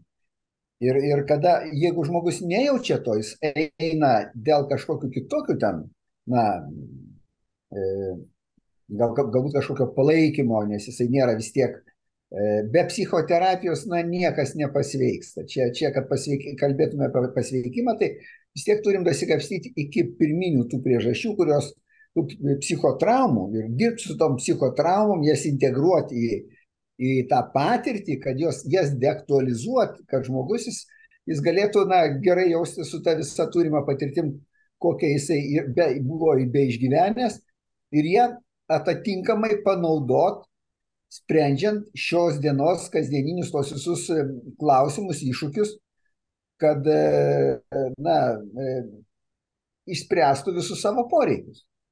Nes žmogus be poreikių, jeigu jis netenkina kažkokiu tai poreikių bazinių, tiek bazinių fiziologinių, tiek bazinių psichologinių, jis, na, nebus komforto zonais, jis būtinai susirgs, atsiras arba fiziniai sutrikimai, arba ir fiziniai ir psichologiniai sutrikimai. Tai iš tikrųjų tas pakeitimas, įsiliejimas į tam tikras bendruomenės, tai gali būti traktuojamas kaip žalos mažinimas, bet kai kuriem asmenim tai gali tapti kaip priklausomybė ir, na, žinom, kad netgi ir žmonės, kurie integravosi į tokias, tokias bendruomenės, buvo nutinka, kad susirga depresijom ir, ir, ir bando žudytis ir, ir praranda kažkokį tai tą perspektyvos gyvenime matymą. Patikslinkit, tai, ką jūs turite omeny. Jūs, jūs, jūs kalbėt, kad į bendruomenės įsiintegravę gali turėti, o koks čia mechanizmas suveikia, tai, kad gali būti tokios implikacijos? Tas, tas pats mechanizmas kaip ir su kitom priklausomybėm, kurios galutiniam rezultate vis tiek jos ant tiek tave išvargina, kad, na, kai žmogus pervargsti, tu krenti į tą tokią pesimizmą, į depresiją, o depresija dažnai tokius žmonės lydi su, su tam tikrom suicidinėm mintim. Nes paprastai iš tokios psichotraumuojančios aplinkos ateina žmonės e, e, jau girdėję visokius tokius teiginius, kad geriau negyventi, jau geriau būčiau negimęs, geriau ten pasikarsiu, bus, bus geriau ir panašiai. Nu, tokių teiginių, kurie, kurie nu, kraštutinis kleidesys, nes niekas, niekas negryžo po mirties ir nepapasako, ei, sako, ten labai faina, davai varom visi.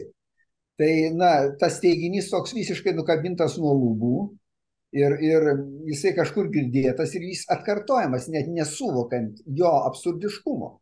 Ir, čia kaip placebas, kaip, vėlgi, toks labai skamba jūsų minėta placeba, kai tu pasakoji tam tikrą mantrą apie savo psichologinę būseną ir bandai nu, nupiešti tą kažkaip situaciją, ar ne? Čia, čia, čia, čia ne, ne placebas, aplamai žmonės e, daug teksto vartoja patys nesuprasdami, apie ką kalba. Mes, mesgi, mesgi Kaip aš užduodamas klausimus ilgus, ne, pavyzdžiui. tai, kai užduodam klausimus, tai, tai čia viskas tvarkoja, bet kai, kai klausimo neužduodam, bet jau aiškinam kažką, tai, tai mes atkartojam tą, ką skaitėm arba ką girdėjom, tokius, nu, teiginius. Ir Na, čia, čia atskira tema, čia mes labai... Jo, nelyskim, nelyskim. Negalim išsiplėsti, bet, bet, bet, jūs...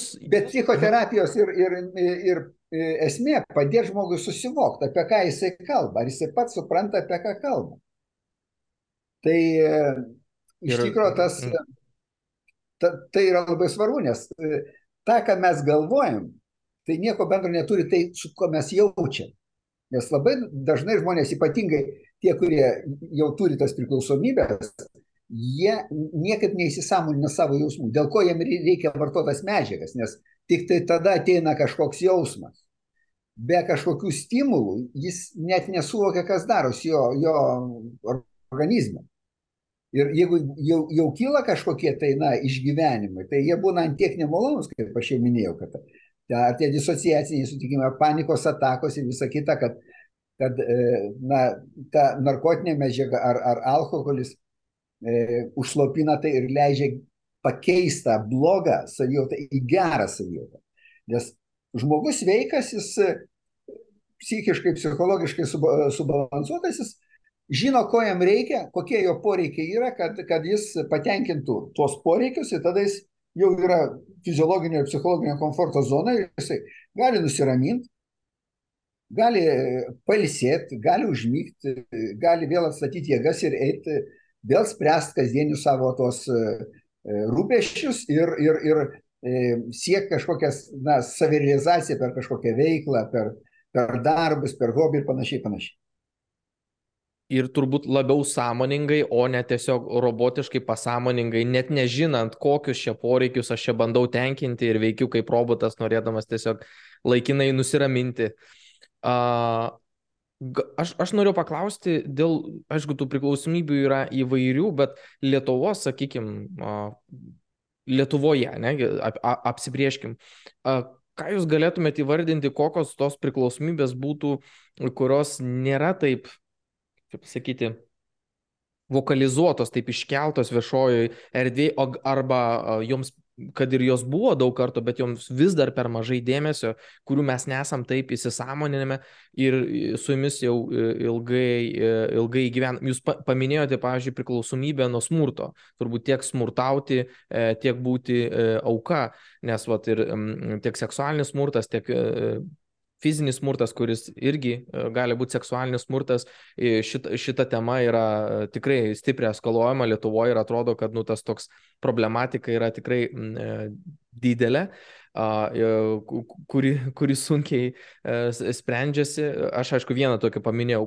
Ką jūs galėtumėte apie tai pasakyti? Ar mes kaip visuomenė suprantam, kas čia vyksta su tom priklausomybėm, ar jiems skiriam pakankamai dėmesio, ar galbūt kažkokias sritis iš viso esam apleidę, pavyzdžiui, lošimų a, a, sritis, kur aš iš keleto žmonių, kurie keleto žmonių, kurie ilgą laiką dirbo a, toj srityje, aš jų pasiteiravau po daugybės metų, sakau, kaip jum a, dabar mato tą vaizdinį žmonių žaidžia, žaidžiančių ten, sakau, kiek ten yra žmonių, kurie, nu, procentas, kurie tiesiog atėjo pažaisti ir koks tai yra procentas tų žmonių, kurie a, yra a, nu, priklausomi, nu, aš taip liaudiškai sakau, kiek ligonių ten yra jau, kurie turi, turėtų turėti diagnozę, aišku, čia toks pasakymas.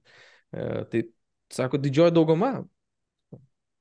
85 procentai drąsiai bus tu, tie, kurie e, ateina dėl to, kad serga, o ne dėl to, kad uh, va, tą savaitgalį kažkas, draugas ten gimtadienį progą sako, einam pažaisti. Ta prasme. uh, vėlgi, aš va čia kalbu e, srautą beleką, kaip jūs sakot, net nežino, ką kalba, bet noriu, kad jūs dabar pasidalintumėt e, apie tai, kas nėra e, mums suvokta galbūt.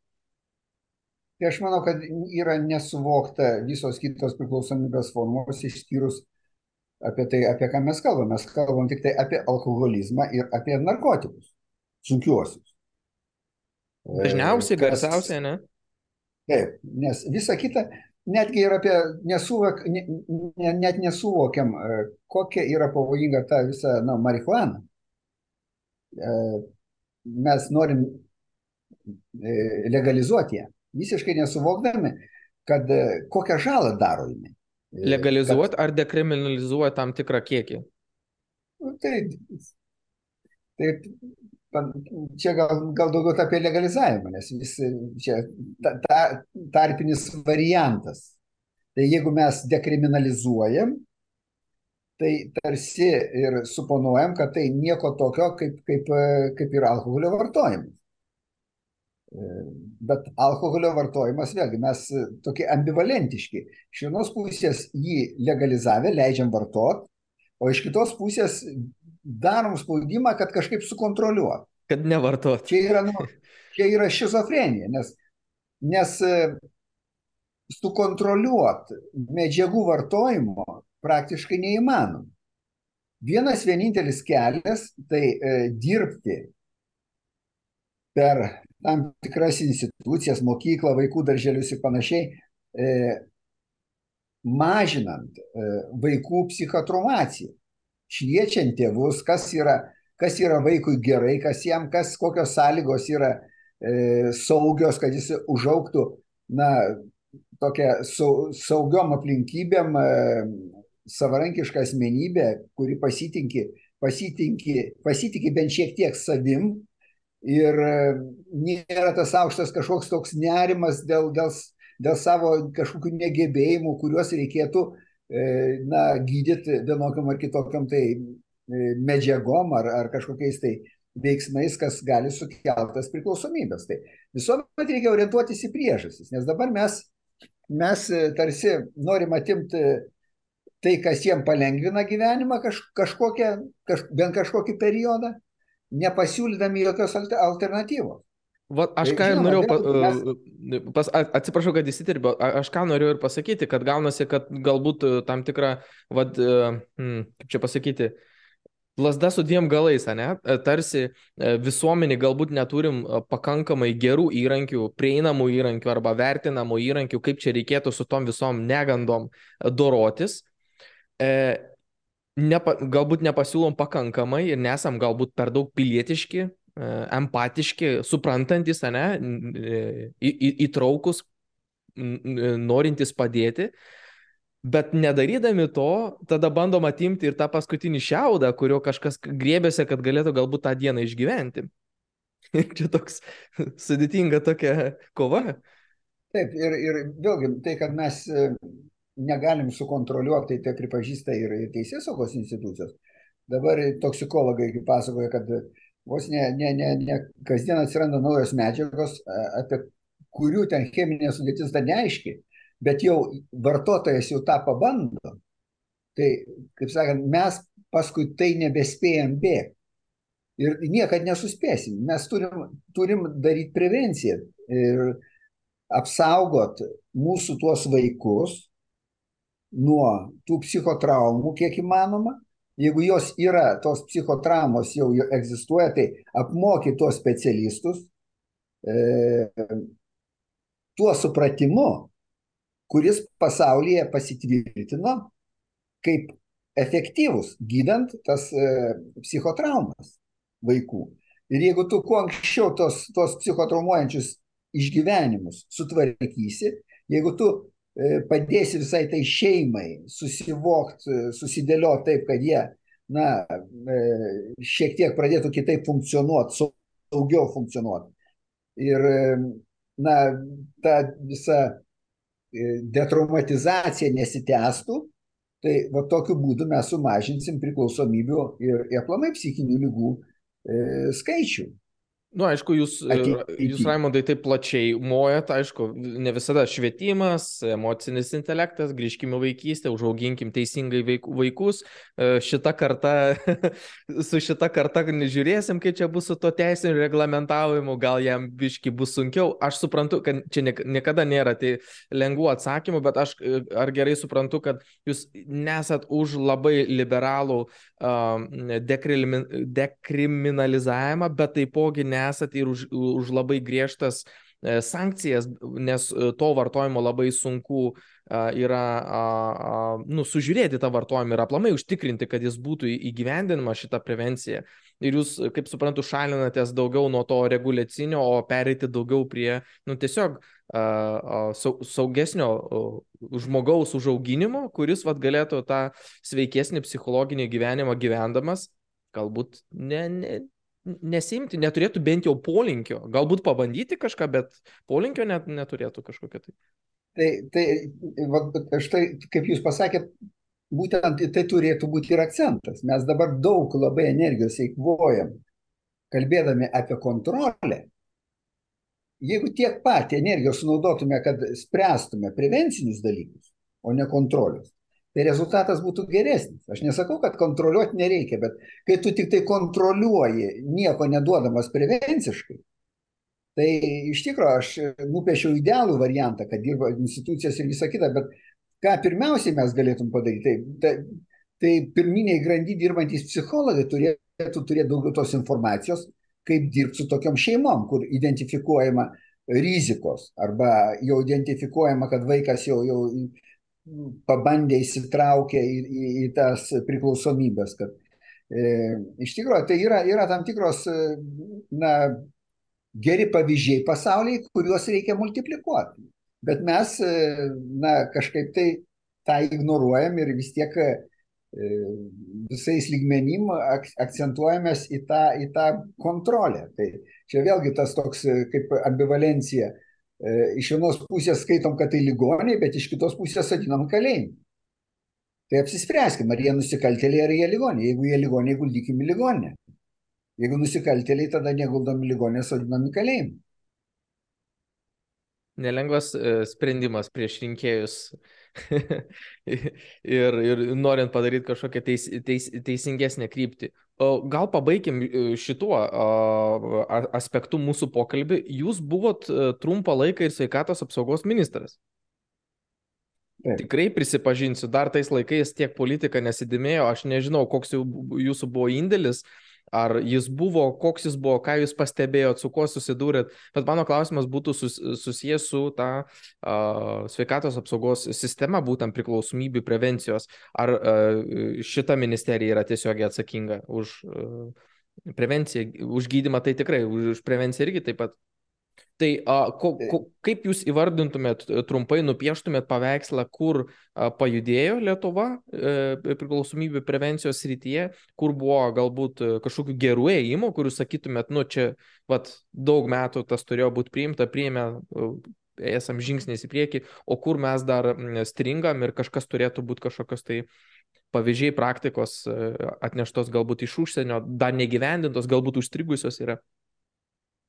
Tai aš manau, kad vyko tam tikri pokyčiai, net aš nenoriu girtis, bet tuo, kad bet tuo metu, bet pasigirsiu, tuo metu mes priklausomybių lygų centrus įsivaizdavom kaip va, būtent prevencijos institucijos, bet ne kaip gydymo institucijos, kurios dirba priklausomybių lygų centrai su mokyklom, su, su švietimo įstaigom, su šeimom, su šeimos daktarais. E, talkindami e, spręsti šitą e, problemą, užtikrinant per, einant per profilaktiką ir metodinės, kaip sakant, metodinę pagalbą, jeigu jau yra tas, tos priklausomybės atsiradusios. Bet galiausiai jos išvirto į vėl naujas institucijas, kur gydomi žmonės su priklausomybėm. Vėl grįžom prie to pačio seno sovietinio modelio, kur buvo narkologijos centrai. Tai, tai iš tikrųjų gera, gera idėja buvo jinai iškreipta ir, ir, ir vėl e, vietoj to, kad mes e, kol jūs galvojate, aš, aš, aš, aš, kol jūs galvojate, aš paklausiu, dažnai būna, kad trūksta to kūrybiškumo. Kitaip sakant, imtis tam tikrų nustatytų metodikų, gydyti, duoti vaistus tam tikrus, pagal tam tikrą skriptą dirbti su žmogumi yra paprasčiau. Bet kūrybiškai plačiau pažiūrėti į tą prevencijos, kaip suteikti prevenciją, kaip e, ir, yra žymiai sudėtingesnis užduotis. Ar čia apie tą kalbą ir eina? Būtent taip. Na, buvo naita to paprasčiausiu keliu. Ir dar, dar sakyčiau, ne tik tai tiek, kad gal vis tiek per, padedant žiniasklaidai, priklausomybės labiau destigmatizuotos ir, ir labiau jos integruotos į, į bendrąją psichiatriją, kad jau mažiau, tiksliau gal daugiau šalininkų atsiranda, kurie supranta, kad tai yra e, toj pačioj struktūroje, kad tai nėra atskiras kažkoks e, nozologinis vienetas, kuris kažkaip ypatingai kitaip turėtų būti gydomas negu aplamai tas žmogus, kuris turi kažkokias tai E, psichinės sveikatos problemas. Nes pirmiausia, žmogus turi būti gydomas, ne diagnozės kažkokios. Taip. Tai, tai kaip suprantu, ir, ir keičiasi tas supratimas, ar mes čia turim netgi literaliai pastatyti atskirą pastatą miško gudumoje, kur ten suvežtumėm visus tuos sergančiuosius ir juos taip funkciškai ten gydytumėm, ne?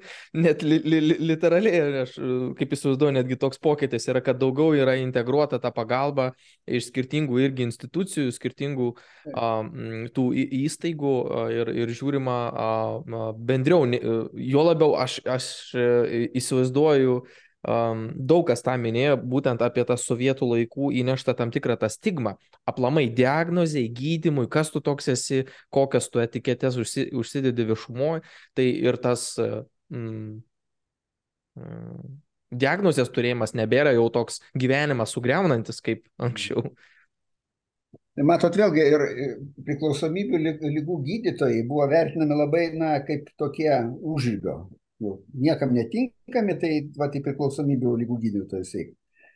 Nors no, čia, čia buvo toks sovietinis, nes su žemiausiais vidurkiais gaudavo paskirimus į, į narkologinius, į, į visokius ten darbo gydomuosius profilaktoriumus. Kai tuo tarpu, kad tu galėtum padėti žmogui pasveikti su priklausomybė, nu, tu turi turėti didžiulę patirtį, platų supratimą ir, ir būti aukščiausios kvalifikacijos specialistu. Kad dirbti su šitais žmonėm, tai turėtų būti tau prestižas.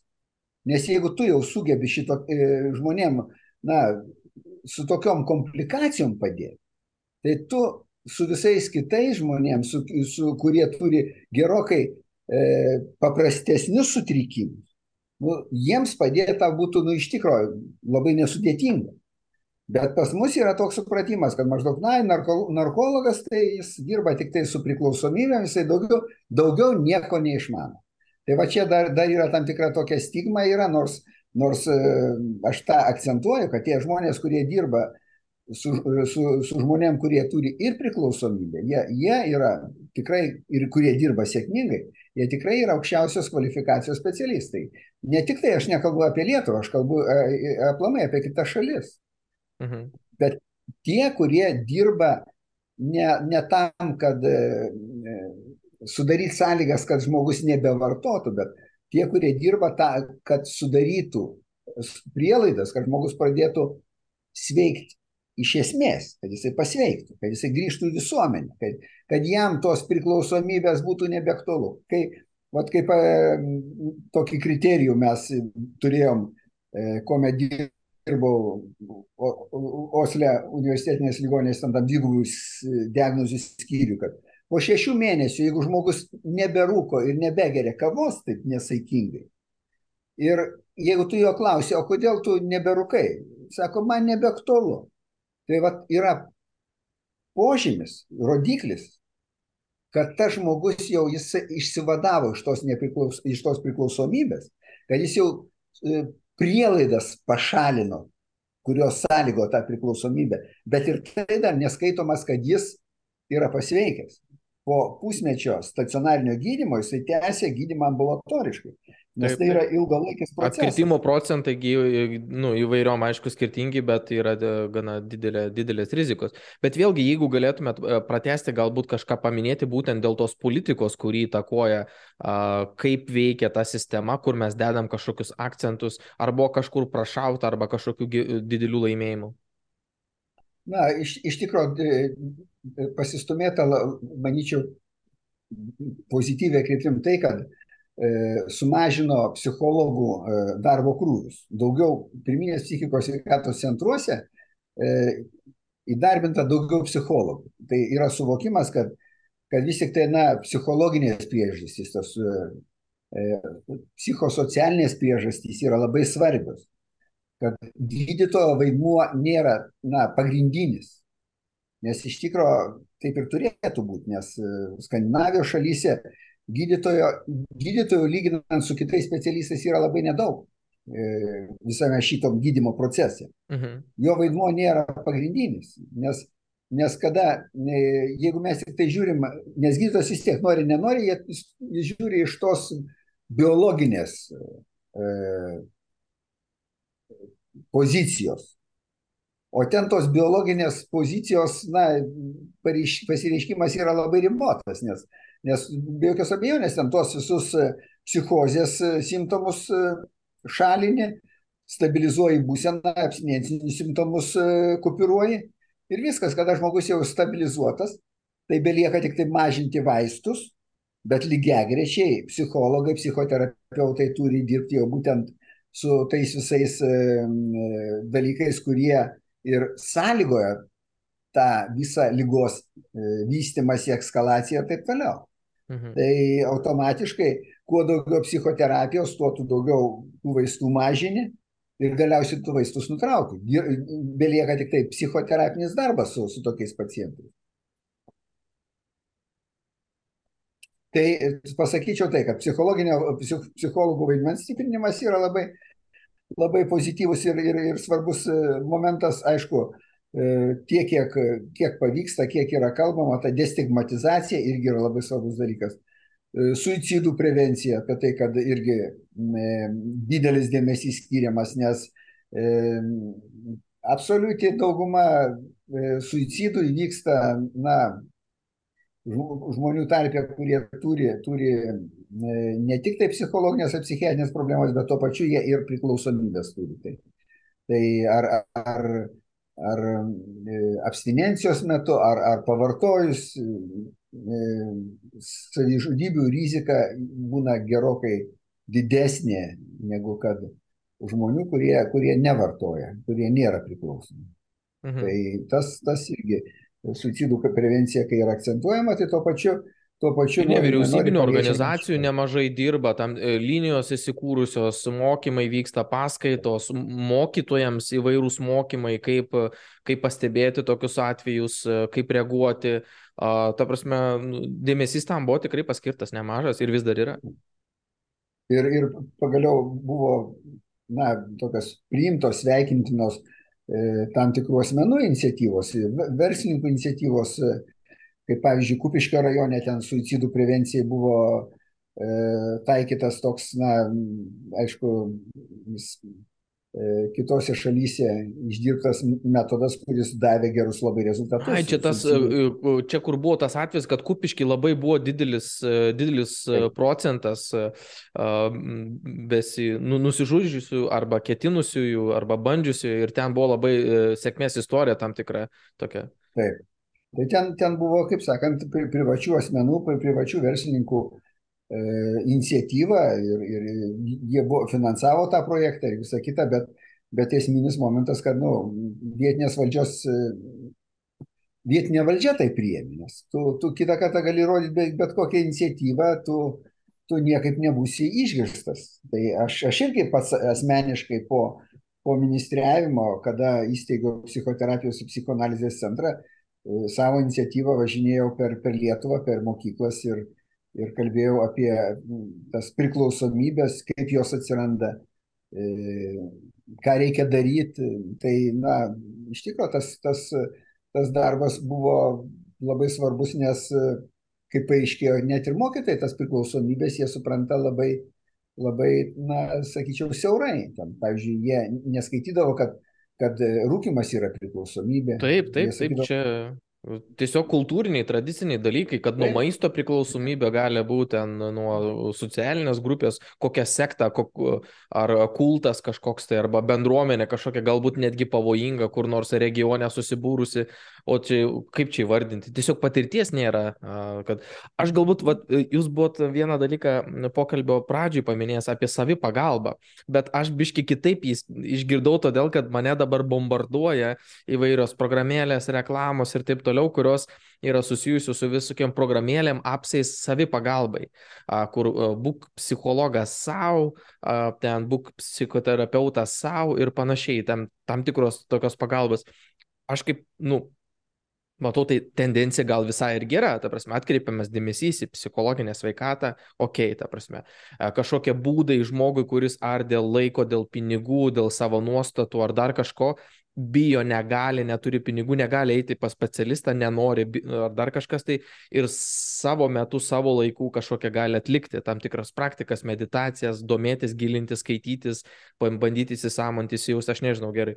Bet turbūt yra ir, ir kažkokių tai mm, galimų neįgiamų implikacijų, kai žmogus gali, gali save ir nusigydyti, nes a, tos labai dažnai tos tam tikros sistemos būna tokios generalizuotos. Tu negali atsisėsti ir perskaityti to žmogaus, ta prasme, ir bandyti adaptuoti jam tam tikrą e, gydimą. Kokios čia grėsmės? Ar jūs pats susipažinęs su tuo esate, ar diskutuojat e, specialistų ratuose, ar tą pastebit, kad žmonės savo diagnozės duoda, save gydosi ir turbūt nujaučiate, apie ką kalbu. Taip, čia, čia tampa vis didesnė ir didesnė problema, ypatingai jaunimo tarpe, jaunų žmonių tarpe kurie, kurie na, jie skaitos, čia yra du, du momentai.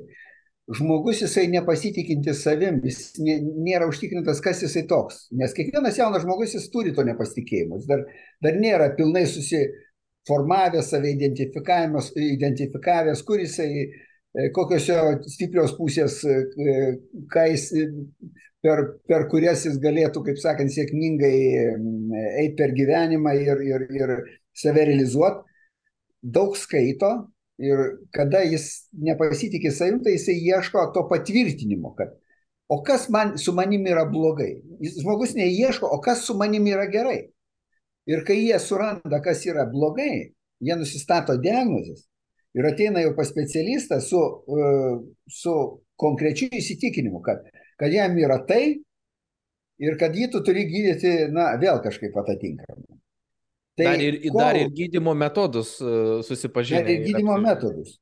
Tai iš tikrųjų, na, to nebūdavo anksčiau, tai būdavo lengviau dirbti, nes tada padėdavai, nereikėdavo dar sulaužyti ir šito stereotipų, šito įsitikinimo. Dar vienas anstatas, dar vienas lygis tam tikros tos predispozicijos, kurią reikia sugriauti ir tada dar vieną sugriauti dar.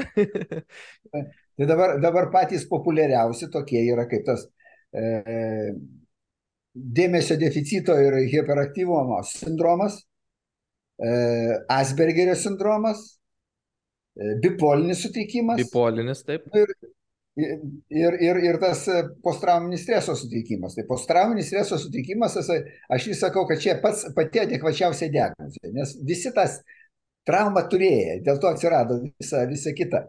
Bet visi kiti tie sutrikimai, tai yra tokios būsenos, Bet dabar yra tokia tendencija, na, nesakyčiau, kad Lietuvoje, bet ypatingai Norvegijoje, kad tai maždaug nu, vos ne kokybės ženklas. Jeigu tu turi šitą diagnozę, tai reiškia, su tavim viskas tvarkoja.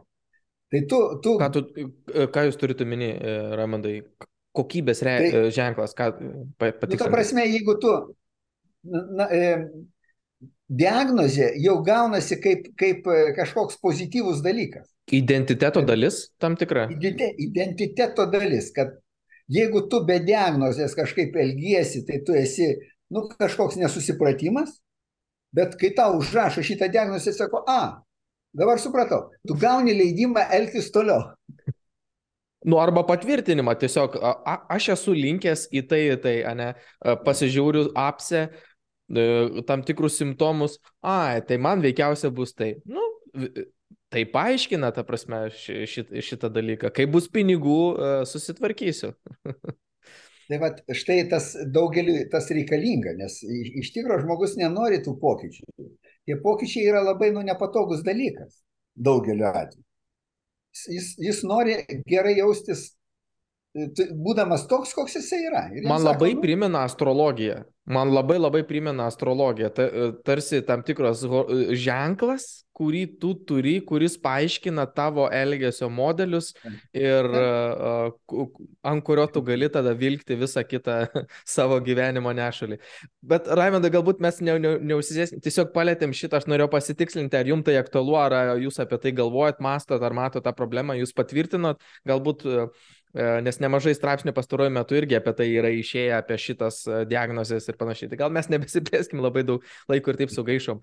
Ačiū Jums už šitą elektroninį apsilankymą, buvo labai malonu pasikalbėti. Čia buvo Raimondas Elekne. Malonu, ačiū. Čia Elgimantas Kvecys, skeptikų draugė, skeptiški pokalbiai, sekit šitos pokalbius YouTube kanale, užsukit į Facebooką, klausykit audio formato Spotify platformoje, užduokit klausimą, pakomentuokit, patarkit, duokit feedbacką, kas patiko, kas ne ir sustiksim kitose pokalbiuose. Iki kol kas. Iki.